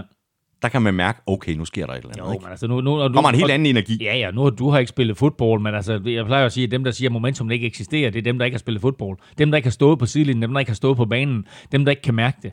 Ikke? Og så så kan du sige, jamen, hvad er momentum? Øh, jamen altså, det, det, er jo, det, det er jo en, en kombination af at være ovenpå, øh, være nervøs, alt muligt, ikke? Du ved, som lige pludselig, du ved, øh, nervøsitet for at, at, at øh, løbe ind i et, et comeback, eller mm. nervøsitet for, om, om, man, om man gør det rigtigt i en situation, og så videre, ikke? Men momentum eksisterer, og her, der var det bare helt tydeligt, at Michael Hartmans return giver Chiefs et eller andet. Og det faktum, at de så får bolden ind lynhurtigt og får scoret touchdown, giver dem endnu mere. Så øh, kommer så nok den mest kontroversielle situation spørgsmål. overhovedet Og der, kommer, og der kommer et spørgsmål her fra Henrik Drejer Andersen, fordi jeg er ret overbevist om, at det lige præcis er situationen, som du skulle til at tale om. Henrik skriver sådan her, kan I på nogen måde give mig en meningsfuld forklaring på, hvorfor Bill O'Brien kaldte et fake punt ved stillingen 24-7 til Texans? Jeg går ud fra, at det var den situation, Det var fortalte. præcis den situation. Um, lad, os, lad, os, lad os lige vende tilbage til det field goal der. Fordi Bill O'Brien siger i sin preskonference efterfølgende, vi var klar over, at vi skulle score mange point øh, for at vinde den her kamp. Hvis det er hans holdning, så skal han faktisk gå efter en første down. Fordi der sker også, der sker, der sker også noget interessant, og det er, at, øh, at, at Texans på en eller anden måde får brændt et par timeouts ret hurtigt i den her kamp. Og øh, da de så står og skal sparke det der field goal, der, øh, der er der så meget forvirring, om de skal sætte field goal enheden ind, eller de skal gå efter den på fjerde down, mm. at de ender med faktisk at kalde deres tredje timeout. Nu springer jeg lidt i, i, i tidsrammen her, men det ender faktisk med at betyde, at de på et tidspunkt sent i første halvleg ikke kan challenge en pass interference, der bliver begået på DeAndre Hopkins, hvor der helt tydeligt er pass interference. Øh, men i og med, at de har brugt deres tre timeout, så kan de ikke challenge den. Det var en sidehistorie. Hvis han mener, at de skal score mange point og, øh, og, og skal holde med Holmes for fadet, så er det klart, så skal de gå efter den på fjerde down, så skal de have en første down der, så går de efter touchdown i stedet for field goal. Jeg synes, det var den rigtige beslutning at gå efter det field goal. Men så kommer vi til det punt på egen banehalvdel, hvor Chiefs har lige scoret touchdown, momentum ligger hos dem, de får stoppet Texans, og Texans skal ponte. Og så vælger Bill O'Brien at kalde et fake punt.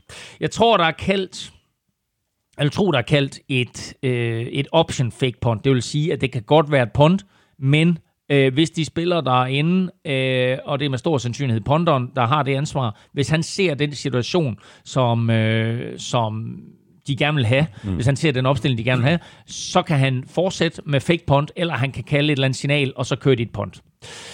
De får en en mod en situation øh, over for Daniel Sørensen, hvor de ved, at den spiller, der skal have bolden, han står i en en mod en situation over for Daniel Sørensen.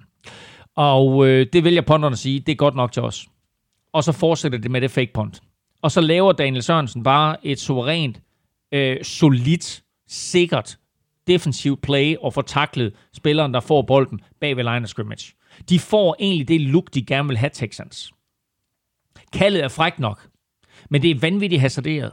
Og hvis du går efter field goal på den fjerde down tidligere, så skal du ikke sparke, eller så skal, så skal du ponde der, og så sige, fint nok, så spiller vi field position og point og, og beskytter den føring, vi har. Så skal du ikke give bolden tilbage til Chiefs på egen banehalvdel. Og da det her, det så kikser, så er det klart, at det der momentum, der ikke eksisterer, det bliver lige fordoblet. Så har Chiefs dobbelt momentum, og så to plays senere, der scorer Travis Kelce. Bum. Så står det pludselig 24-14. Og fire, forskellen på 24-0 og 24-14, den er kæmpestor. Er? Især når der sådan, at quarterbacken hedder Patrick Mahomes, og du spiller Arrowhead. Ja, fordi det går rigtig, rigtig stærkt, ikke? De første fire touchdowns, som Chiefs øh, scorer, de bliver scoret inden for 4 minutter og 50 sekunder, altså 4 minutter og 50 sekunder gameplay, ikke? Fordi det næste play, der så kommer, det er et kickoff return. Fordi Chiefs har lige scoret, så sparker de kickoff return, og returneren, han fumbler. Hvem rammer ham? Hvem fremsvinger fumblen? Daniel Sørensen. Hvor er det, han kommer fra? Er det Ribe eller Jeg Hillerød? tror, Jeg Brande, kan ikke huske- Brande, Brande, Brande, Brande. Brande, tror jeg det. Øh, så to kæmpe plays af Daniel Sørensen på special teams her. Øh, nu har jeg ikke set, hvem der bliver kort. Det, det er heller ikke offentliggjort nu. Men altså, hvis der, hvis der er en spiller, der skal kores til Special Teams Player of the Week, så er det da Mm. Daniel Sørensen. Fordi de to plays der, de giver Chiefs to touchdowns inden for ganske, ganske kort tid. Chiefs får bolden igen tilbage øh, midt på Texans banehalvdel, og få plays senere, der scorer Kelsey sit andet touchdown. Fuldstændig vild kamp. Øh, så øh, du siger, ja, det, var, det, var tre, det var tre touchdowns på 3.26 eller et eller andet. Ja, og fire på 4 minutter og 50. Ja, og 5 på 12 minutter. Så det gik meget, Ja, meget det er- stærkt. det er og så pludselig står det 24-21. Øh, og man tænker bare, what? Ja, og der er bussen kørt, det har man på fornemmelsen, ikke? Altså, når vi taler momentum, altså, det alt momentum var på Chiefs side. Åh oh, jo, der, der, der, der, prøv at, på det tidspunkt der, det vidste du godt, det her, det kommer Texans ikke over. Nej. Øh, så det var helt, helt crazy. Og også helt crazy, at øh, Deshaun Watson øh, gik rundt på sidelinjen ved 24-0 med et ansigtsudtryk, der et udstrålede. Jeg har ingen anelse om, hvad der lige er sket, men to, hold kæft, vi kører det midt over, det her, det bliver så fedt. Ja, han stod og spillede luftgitar, ikke? Gjorde han det? Ja, ja. Nå, okay. Men i hvert fald, så, så ændrede det hele sig meget, meget hurtigt, ja, meget, meget brutalt. Ja, ja. Og øh, den måde, som, som øh, Bill O'Brien var med til at smide det her væk på, og den måde, som returneren, øh, der Fompler er med til at smide det væk på, og så er det bare det faktum, at Mahomes, øh, da først hans receiver begynder at gribe bolden, mm. at der er han jo super skarp, fordi han er faktisk skarp hele vejen kamp, øh, igennem den her kamp. Den der første quarter, hvor de bagud 21-0, det er jo ikke hans fejl. Nej. Han rammer sin receiver, han rammer Damian Williams, han rammer øh, Travis Kelce, han rammer et par stykker andre. Ja, fire, fire store tabte bolde i som første quarter. alle ja. sammen taber bolden. Ja. Øh, og da de først begynder at gribe bolden, så er den her kamp overstået. Og så er det lidt lige meget om Texans, de jo mand til mand, eller de forsøgte zone, eller de lavede en kombination øh, med, med, med sådan en, en, en bracket coverage på Tyreek Hill og så videre. De havde ingen svar, Texans for Tyreek Hill og Travis Kelce på banen samtidig, og det er de selvfølgelig på de fleste plays. Mm. Øh, og øh, Travis Kelce kunne vi godt have nomineret også Ja, vi talte også om til, det. øh, til, til, vi talte om det, vi talte ja. om, om, om det skulle være ham eller Mahomes, øh, men så tænkte jeg, vi, vi skal give det her til Mahomes, fordi altså, øh, selvom Kelsey selvfølgelig spiller en stor kamp, Ja, 10, 10 og, grebne bolde for 134 yards og tre touchdowns. Det er meget godt af en tight end, og ikke? tre touchdowns, alle sammen i anden kvartal. Ja. Første spiller, der griber tre touchdowns i samme kvartal. Jeg har jo en, en, en, en lille mini-quiz til dig her. Ja. Som jeg overvejede også, som skulle være quizzen, og så tænkte jeg, ah, den, nu, nu får du den her. Øh, fordi øh, Travis Kelce scorer tre touchdowns, og Damian Williams scorer tre touchdowns. Han øh, griber det første og løber to ind i anden halvleg. Mm. Øh, de scorer altså begge to tre touchdowns, Kelce og Damian Williams, mm. i en slutspilskamp. Hvem er den eneste anden duo, der har scoret tre touchdowns hver i en slutspilskamp? Ah, pas. Kom nu. Det, Jeg kan hjælpe dig, det er en Super Bowl. Det var Fort Niners. Jamen, så øh, den ene, det er Jerry Rice. Det er korrekt. Det var imod. Ej, du får lige, du får lige navnet først her. Det var Ricky Waters. Det var Super Bowl 29, og det var imod San Diego. Jo, kom her. Kom her, kom her, kom her. Jeg, finde- jeg har flyttet den.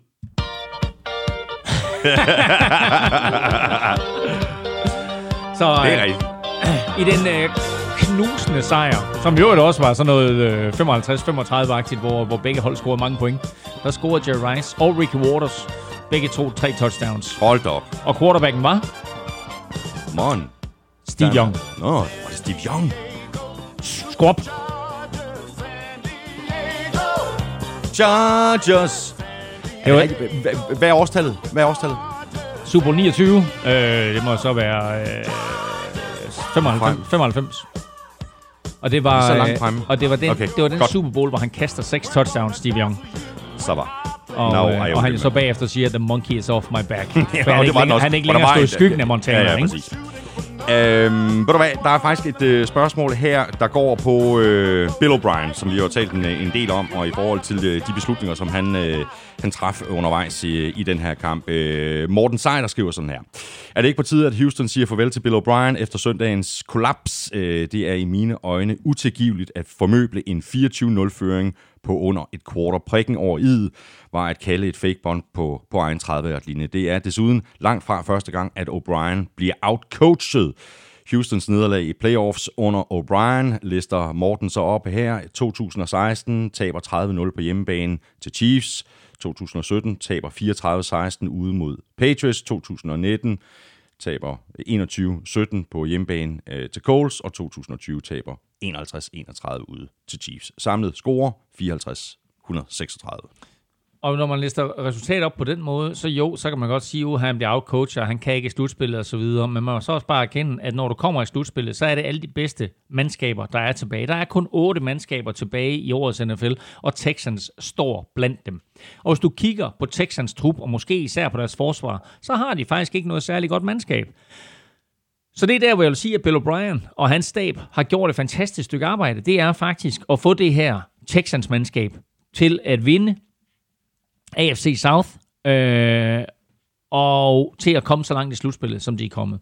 Øh, vinder trods alt over Bills efter et, et fabelagtigt comeback mm. øh, i, i sidste uge, ikke? Øh, og kommer ind her, fører 24-0, og så må man jo så også bare erkende, at fra det øjeblik, at, at, at, at Mahomes scorer første touchdown, jamen der er han jo øh, brandvarm, og der er, viser klasseforskellen så også bare på de her to mandskaber. Og der er klasseforskel. Der er talentmæssig klasseforskel på de her to hold. Øh, og det kan da godt være, at han i visse aspekter bliver outcoachet, og det kan også godt være, som vi, som vi skitserede, at han øh, er inkonsekvent i om han skal gå efter dem på fjerde down lege og så videre, og han skal holde sig lidt mere, altså enten skal han holde sig til sin mavefornemmelse, og også skal han holde sig til analytics, han skal ikke sådan blive sådan ind imellem. Øhm, Nej, fordi det virker under det, at han ikke vil gå på den på fjerde down, Præcis. øh, langt nede på Chiefs øh, banehalvdel, og så senere kalder et fake punt på, På sin egen egen banehalvdel. Ja, øh, men, øh, men nej, jeg synes faktisk, at han har gjort det godt. Og jeg ved godt, at der er mange, som, som siger, øh, at øh, nu er, nu er NFL-holdene færdige med at lede efter coaches. Øh, alle head coaching positioner er besat, bortset lige fra Texans, som mm, skulle lede efter ny head coach. Kommer ikke til at ske. Øh, Bill O'Brien er ikke bare head coach, Texans har også meldt ud, at de kommer ikke til at ansætte en general manager. Det vil sige, at den position bestrider Bill O'Brien sådan set også. Mm. Han har også en fortid i Patriots-organisationen, og han har også set, hvordan Bill Belichick øh, har siddet på begge positioner, både at være øh, fungerende GM og være head coach. Og nu sidder Bill O'Brien i den situation som en af de få coaches i NFL overhovedet jo. Og det er jo sådan set gået meget godt i New England. Det er ham, der, det er ham, der har, har lavet de her store handler og så videre. Ikke? Han har så også, kan man sige, han har så satset noget af fremtiden i hvert fald på at, øh, at, at gå all in i år. Altså de der, den kæmpe handel, de lavede med Larry Tunsil. Mm øh, og Kenny Stills inden sæsonen ikke har selvfølgelig givet bonus, men hvad kommer det til at koste dem på den lange bane? De mangler første runde draft pick i år, første runde draft pick til næste år, ikke? og jeg tror også, de mangler anden runde draft pick i år, og måske endda også det næste år. Så øh, det, det, altså, øh, den der ungdommelige kraft, der kommer ind via draften, den kommer de til at savne. Mm. Men øh, han har trods alt, altså jeg synes, jeg synes, han har gjort det godt, Bill O'Brien, og så kan man stille spørgsmålstegn ved de beslutninger, han tager i den her kamp. Øh, selvfølgelig er der nogle fejl, det, det, det, det synes jeg også, der er. Men om han decideret bliver outcoachet, eller det er bare et spørgsmål om, at Chiefs talent bare er så voldsomt. Mm. Det, øh, det, det, det synes jeg er harsk. Mm.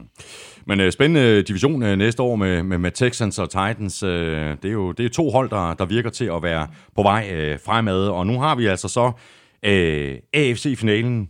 Chiefs, Titans. Jeg har Chiefs øh, som favoritter, men det er faktisk mest fordi, at Chiefs er på hjemmebane, fordi man skal ikke øh, kæmpe sig af Titans og, og det, de har gang i, og fuldstændig underdogs, og de kommer nedefra, de kommer bagfra, og de har masser af, nu siger jeg det igen, momentum. Mm. Ja, og de har fundet en formel, som er lidt unik øh, i NFL i øjeblikket. Øh, de kommer, altså de kommer selvfølgelig til Arrowhead, og de kommer op imod et forsvar, som, vi som, som du skitserede, da, da du ristede pointene op til at starte med fra den her øh, Chiefs-kamp. Ikke? Altså fra det, faktum, fra det punkt, de er bagud 24-0, der vinder de resten af kampen 51-7. Og det siger også bare noget om Steve Spagnuolos forsvar, og det han har formået at gøre med det her forsvar. Præcis som da Steve Spagnuolo har defensive coordinator for New York Giants, så starter det lidt langsomt. Han skal, og han snakker ikke kampen, han snakker sæsonen. Så starter det lidt langsomt på den måde, at spillerne skal lige vende sig til, hvad er det, hvad er det, det her system går ud på, hvordan får vi det her system til at fungere bedst, og, og, og hvad er det min opgave er i forhold til ham, jeg står ved siden af, og ham, der er bag ved mig, og så øh, øh, lidt, lidt uh, Patriots-agtigt, do your job. Mm. Hvis alle gør det, de er designet til, jamen så fungerer systemet. Og forsvarssystemet for Chiefs fungerer øh, fra det punkt, hvor de er bagud 24-0 og resten af kampen. Der fungerer det, og det gør det vel at mærke uden Chris Jones. Chris Jones var skadet og stiller ikke op i den her kamp. Han er forhåbentlig og med stor sandsynlighed med i den kommende weekend imod Tennessee Titans, og han er bare super, super vigtig i bestræbelserne på at stoppe Derrick Henry. Derrick Henry kan godt komme til at overtage den her kamp, mm. og det kan han især, hvis det er sådan, at Chris Jones han ikke er med. Men med Chris Jones derinde, der bliver det her øh, Chiefs-forsvar bare lidt vanskeligere at løbe imod. Og øh, han er også øh, dygtig, øh, om end det ikke er hans spidskompetence, til at få lommen til at kollapse og, og få lagt lidt pres på, på Tannehill. Øh, men når, når vi ser, at, at Tannehill han kaster... Øh, hvad var det, var det 18 gange i, eller ikke engang, hvor mange gange var det, han kastede i, i, kampen her, ikke? Det var ingen, ingen øh, altså, hvad var det, han completed 8 ikke ud af 8 ud af 15, jeg tror han kastede 15 gange til ikke? Så det er ikke så, så, så fordi Titans, øh, de kaster så meget, Øh, men der, der er han bare vigtig også, øh, en vigtig brik, Chris Jones. Så det er vigtigt for Chiefs at få ham tilbage, og så må man bare sige, Steve Spagnuolo har virkelig sat skik på det her angreb, og Frank Clark, der kom til fra Seahawks inden sæsonen, har 3-6 imod Texans her, øh, og er, øh, har virkelig, virkelig spillet sig op. Han er skadesfri nu, han har haft et, en, en sæson i systemet her, øh, og er blevet den force, mm. som Chiefs havde håbet på, da de hentede ham ind, og er i min optik faktisk bedre, end jeg havde forventet, at han ville være. Jeg synes, han har spillet en meget, meget stor december, og, øh, og, og den her kamp, i øh, den, den første slutspilskamp her, der er han også øh, helt sublim. Øh, så øh, det her Chiefs-forsvar kan noget, og med det der angreb, øh, der vil bare sige, der er det klart, at Titans øh, får det svært, men den bedste måde at holde med Holmes fra at score point på, det vil jeg ham sidde på sidelinjen. Mm-hmm. Uh, og det er det, Titans de kan. Ikke? Altså, og øh, så den, de, bedste medicin øh, for, for det, det er jo lige præcis at løbe bolden. løb bolden, hold bolden ud af hænderne på Mahomes, kør nogle dejlige lange angrebsserier af, sørg for, at Mahomes han får max, øh, lad os sige, øh, max to angrebsserier per, øh, per quarter. Øh, kan, kan de holde dem til det? Jamen altså, så er der da en chance for, at de vinder, så må de selvfølgelig ikke score otte touchdowns i, i løbet af kampen der, men altså, øh, det her, det skal, det, det, det, det skal blive en lavt scorende affære, og det skal blive en affære, hvor Derrick Henry han overtager kampen, og hvor, hvor Titans styrer klokken. Mm hvis Titans de skal have en chance for, for at vinde. Det skal, jeg, jeg, jeg, jamen det skal, jeg, jeg, jeg fornemmer, at du har Chiefs em, som, favorit, som favoritter. Jeg har, dem, jeg, har. jeg har dem som kæmpe favoritter, men vi har en lille udfordring, og det er, at jeg anbefalede i sidste uge, at man skulle spille Titans på til odds 28. Mm. Og jeg gik selv ind og lagde en halv triller. Mm. Så hvis nu Titans, de vinder hele baduljen, ikke? Altså, så er der lige... Øh, hvorfor er der så, så oh. 50? Der er i hvert fald over 1000 kroner. Det er der i hvert fald. Der er næsten, der er næsten 1500 kroner. Ah, det er næsten, nok. næsten. Nå, ja, men ved du hvad, det her, det var øh, det for Texans for i år. De har pick nummer 26 i draften, og det har de så alligevel ikke, fordi det pick, det ryger jo videre til Dolphins på grund af det her Laramie Tunsil trade, øh, ja. som blev foretaget tilbage i begyndelsen af, af september, så vidt jeg husker. Og må jeg have lov til lige her, øh, om det er lang tid siden, bare jeg korrigerer mig selv. Jeg sagde i sidste uge, at det Patriots pick øh, i første runde, det gik til Atlanta Falcons. Det passer ikke. Det var et anden runde, pick. runde pick. Det er et anden runde pick, ja. så øh, Patriots har deres eget første runde pick stadigvæk. Mm. Og Chiefs, jamen, de er altså videre til AFC-finalen, og de bliver hjemme på Arrowhead, hvor de spiller mod Titans. Så kom vi igennem uh, divisional-kampene, Elming, og uh, jeg, jeg, jeg synes, vi har fået god uh, underholdning i, i slutspillet uh, indtil videre. Så nu må vi bare håbe, at de her to øh, konferencefinaler, øh, de ikke kommer til at skuffe. Det tror jeg faktisk ikke, de gør. Jeg tror, de bliver spændende. Vi får to, to meget forskellige kampe. Altså, vi får, øh, vi får et, et, et Fort Niners mandskab mod Packers mandskab, som principielt spiller det samme system, øh, og hvor, øh, hvor øh, de forskellige coaches kender hinanden på kryds og tværs. Øh, Robert Sala og Matt LaFleur er øh, to coaches, der ikke bare kender hinanden godt. De var best man til hinandens bryllupper, mm. øh, og, øh, og er, er, er gode venner også med, med Carl Shanahan, så, så de kender hinanden Og Matt LaFleurs øh, lillebror er, er hos øh, 49ers. Præcis, Matt, ja, ja, hvad hedder han? hedder øh, et eller andet Matt Fleur. Ja, ja, ikke? ja, Nå. det er rigtigt. jeg, kan, ikke- jeg kan ikke huske. Matt, Mike... Øh, Michael, jeg tror, han er Mike. Mike, ja, Mike, øh, men, øh, så, så altså to, to hold, der virkelig kender hinanden godt. Øh, Så har vi øh, Aaron Rodgers, superstjerne på den ene side, mod en, en Jimmy Garoppolo, som, som jeg synes er, er det svage punkt hos 49ers. Til gengæld så har 49ers jo øh, et, et løbeangreb, som, som ikke rigtig ses man til øh, i, i NFL, hvis man sådan altså, øh, ser bort fra, hvad Titans de kan. Øh, Så har vi et øh, 49ers forsvar, som er helt igennem fantastisk, men et Packers forsvar, som har spillet øh, langt over det niveau, vi havde forventet inden sæsonen. Og men vi så de her opgraderinger inden sæsonen. Vi så, hvad de hævde af spillere, og især er det faktum, at de hævde de to gange, gange Smith ind, ikke? Øh, har hjulpet dem. Så øh, virkelig, virkelig et, et super fedt clash her, men et clash mellem to meget ens systemer, meget ens klubber. Og så har du Chiefs imod Titans. Chiefs high-flying offense med young superstud med Holmes. Måske det hurtigste hold overhovedet i NFL med, med Tyreek Hill og med Cole Hartman. Øh, Travis Kelce, der er en, en fuldstændig uhåndterbar størrelse øh, ned ad banen. Øh, Damian Williams, der har spillet sig op på, på running back-positionen. Et øh, forsvar, som øh, lige skitseret er blevet bedre og bedre i løbet af sæsonen. Og så har du Titans, som måske er de fire hold, der er tilbage... Ej, det, det, altså, jeg ved godt, du bliver sur på, når jeg siger det her, men måske har det bedste forsvar af de fire hold, der er tilbage, selvom 49ers forsvar ja, selvfølgelig er godt. Jeg bliver ikke sur, men jeg er ikke. Og, og så selvfølgelig har øh, den vildeste spiller af alle, der er i det her slutspil, i form af Derrick Henry. Mm. Den mest uhåndterbare spiller af alle, der er tilbage i det her slutspil. Så vi får altså to meget, meget forskellige kampe. Vi skal have quizzen! Åh.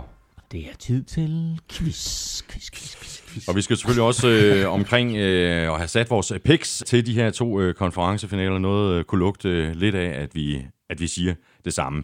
Vi skal også have nogle øh, tre faste spiltip øh, fra, fra din side til, øh, til oddset fra Danske Spil lige her og nu. Der skal vi have nogle øh, svar i, i quizzerne. Forhåbentlig. Du får svar. Spørgsmålet om det er det rigtige svar. Ja, det er det. Øh, dit spørgsmål til mig lød, Det lød. Kansas City Chiefs leverede det fjerde største comeback i slutspillets historie mod Texans, da de var bagud med 24 point og vandt. Det største comeback er på 32 point, men hvem leverede det, og Ja. hvem var det imod? Yes.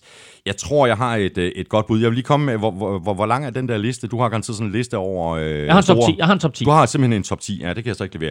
Men jeg kan i hvert fald komme i tanke om nogle store comebacks i, øh, i, i playoffs. Øh, ja. Der er selvfølgelig Patriots over Falcons i Super Bowl for, for tre år siden. Ja. Øh, det var også stort. Hvor mange point var det, det var? Ja, det ved du godt. De var foran, de var foran 28 træk. 28-3. Så det er 25 point. Yes. Og så havde vi 49ers Giants, jeg mener, det var 22 point tilbage i, hvad har det været, 2003-agtigt. Jeg må også være på listen. Det var faktisk 24 point. 24 point. Ja, uh, Giants var foran 38-14, inden uh, Fort Niners gik amok og kom tilbage og vandt 39-38. Ja, vanvittig kamp. Jeg tror, jeg har, jeg tror, jeg har etteren. Øh, Ja. ja. Og jeg tror, det er Bills tilbage i begyndelsen af 90'erne, 92, tror jeg. Uh, Bills i, uh, i 92 sæsonen, januar, Nå, slutspil, nå, det var så 93 eller hvad? slutspillet januar øh, 93, Okay, ikke, jeg men var- jeg var- 92 sæsonen. okay. Det er fuldstændig rigtigt. Bills øh, er, er, er rigtigt. Men Men jeg troede faktisk, det var slutspillet i 92. Nå, men hvem spillede de imod? Øh, Oilers. Au, var du skarp. Ja, der var jeg skarp. Jeg var ikke så skarp på det der med, med 49ers lige før. Øh, Nej, nej, men- Nej, men- det er jeg men- ret sikker på. Men jeg kan heller ikke huske, det, det er ikke så forfærdelig lang tid siden, jeg læste en historie om det. Øh, så det er derfor, jeg okay. tror, jeg kan... Men, men hvorfor er det, jeg har taget den her med? Ja, det er, jo selvfølgelig, det er jo selvfølgelig på grund af, af det her Chiefs comeback. Men fordi det var Houston Oilers, og det her, det var Houston Texans. ikke? Så det er ikke nemt at være fodboldfan i Houston. Det er det godt. Man er altså indlagt til nogle øh, gigantiske skuffelser. så, øh, men, øh, men de var nemlig foran med øh, 32 point. De var foran 35-3 i starten af tredje kvartal, Houston Oilers Han har imod gjort- Buffalo Han Bills. har gjort den alder. Og øh, Buffalo havde jo den her super quarterback, Jim Kelly, som de så valgte at bænke. Og øh, ind kom Frank Reich, og øh, selvom han kastede en interception på, på sit første play, der faktisk blev returneret til touchdown, så øh, førte han altså sin klub tilbage. Kampen gik i overtid 38-38, og øh, Bills vandt 41-38. Kom, øh, kom i Super Bowl det år, men, øh, men tabte jo øh, en af de her fire Super Bowls, de tabte i træk. Og så var der Amstrup's øh, uh, dækquiz. Derrick Henry kom for tredje kamp i øh, træk over øh, 200 scrimmage yards. Hvilke to spillere har gjort det før ham? Jamen, jeg, jeg, den, er, den, er, den er svær. Ja, den er svær. Øh, men jeg, siger, jeg siger, Jim Brown er den ene. Du skal have fat i en anden legende. Det er, ikke- han er ikke på. Nej, Jim Brown er simpelthen ikke på. nej, han er Nå. ikke på. Så den anden, jeg kan komme i tanke om, det er O.J. Simpson. Heller ikke korrekt. Der er ikke nogen af de to på. Nej. Jeg kan ikke andre legender. Jo! Running back legender. Earl Campbell. Nej. Hvad? Walter, Walter, Walter. Walter Payton. Ja. Gjorde han det? Ja. Tre gange. Hvad var det? Tre gange i træk? Tre kampe i træk med over 200 yards. Rushing. Nej, nej, nej. 200 scrimmage yards. Og 200 scrimmage yards. Okay. Han gjorde det i 77. Han havde blandt andet en kamp med øh, 275 yards mod dine vikinger. Okay. I'm so sorry. Ja, så siger Marshall Falk. Øh, nej, du skal endnu længere frem i, i tiden. Det er en spiller, der stadigvæk er, er aktiv. Han har ikke haft øh, en helt lige så god sæson øh, i sin nye klub, som han havde i sin gamle klub, der måske også havde en lidt bedre offensiv linje end den offensiv linje, som han har løbet bag i år. Oh, hold kæft, mand. Ej, okay, jeg giver mig den her helt væk. Le'Veon. Nå, for pokker. Har han haft tre kampe i træk med over 200 yards? 2014. Wow. Okay, nå, vildt nok.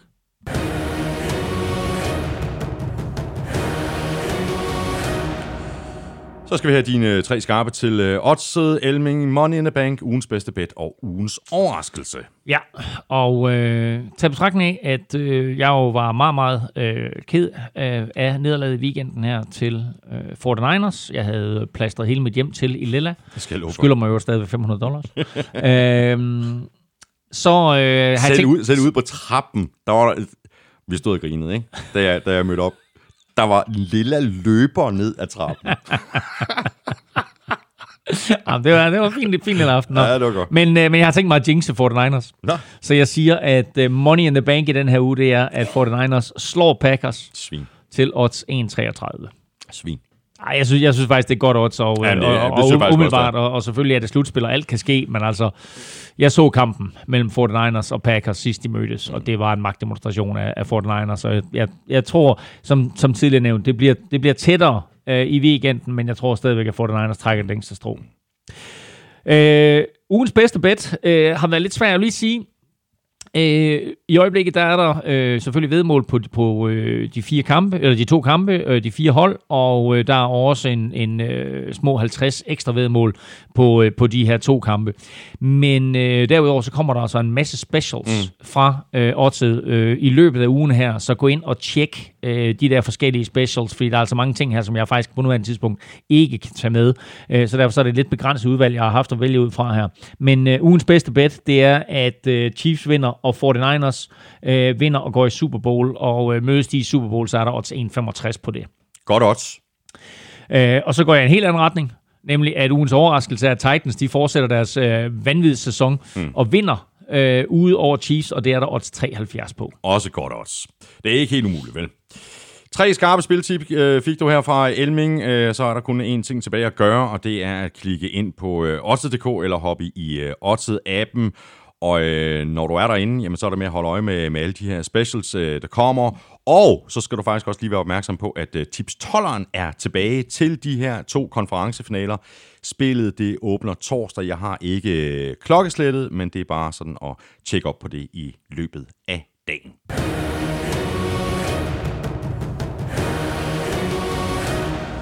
Skal vi sætte vores øh, picks. Før vi gør det, så skal vi lige høre fra The One and Only Statman Lukas Willumsen. Han skriver sådan her. Runden endte 3-2 til Thomas, Vigge. nu bringer den samlede stilling op på hele 170-157. Thomas gik med alle favoritterne, og det er efterhånden et mønster, der ikke er til at tage fejl af siden 2015-sæsonen.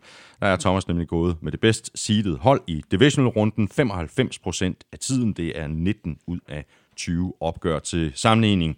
Der har Claus været lidt modigere og har blot taget det bedst seedede hold 60% af tiden, men det er også fordi, du har som regel et eller andet, du skal have indhentet. Er der er jeg som regel lidt bagud på det tidspunkt i sæsonen. I øh, konferencerunden, der fører Claus historisk 5-4 over Thomas, og det er faktisk øh, den eneste runde i slutspillet, hvor han øh, har overtaget. Til sidst skal det lige nævnes, at Packers nu har spillet seks slutspilskampe siden 2015, og Claus har haft dem til at tabe hver og en af dem. Big det, kunne, det surprise. kunne ligne en tanke. ja, det er godt. Øhm, jamen, øh, jeg tror, øh, at vi er øh, alle sammen klar over, hvad vi siger, men øh, nu gør vi det lige, øh, så Lukas Willumsen har det øh, helt officielt. 49ers Packers. Jeg siger 49ers. Ja, jamen altså, det, nytter ikke noget, jeg siger 49ers, men jeg siger også 49ers. Chiefs Titans. Jeg siger Chiefs. Ja, jeg siger også Chiefs.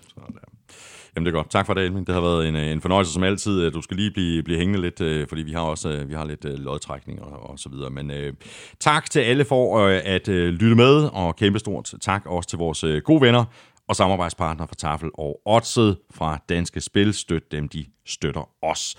Det der med at støtte os, det har du også muligheden for. Du giver os nogle stjerner og en anmeldelse de steder, hvor det er muligt. For eksempel i iTunes. Du kan anbefale os til alle dine venner og din mor og din tante.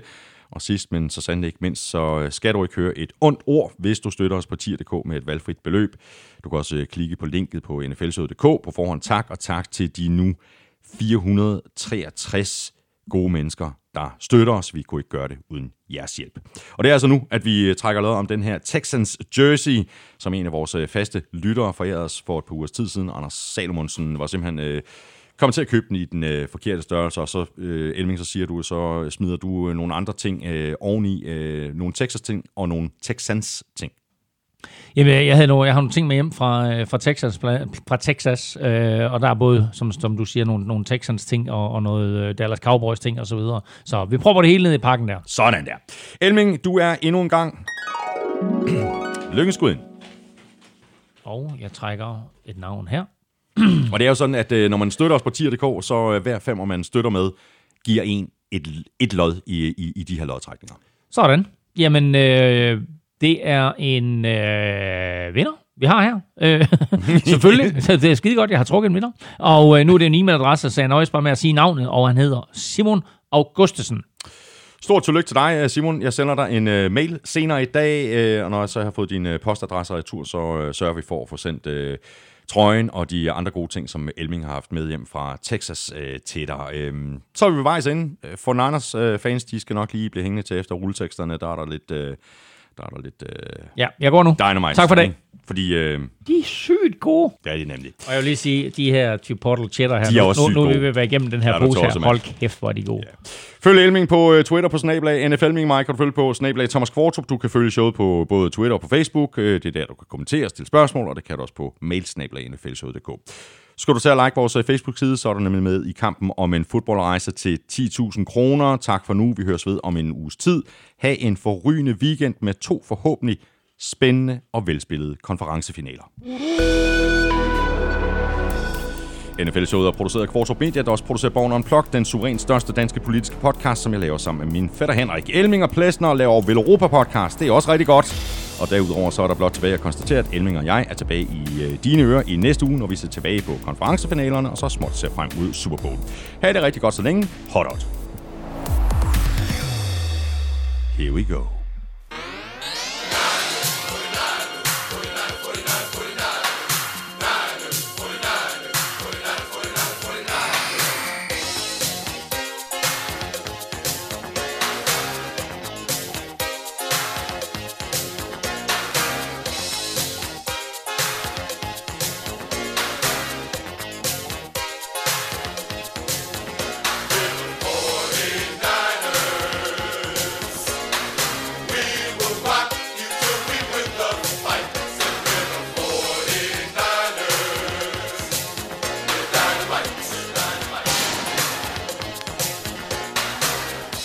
don't take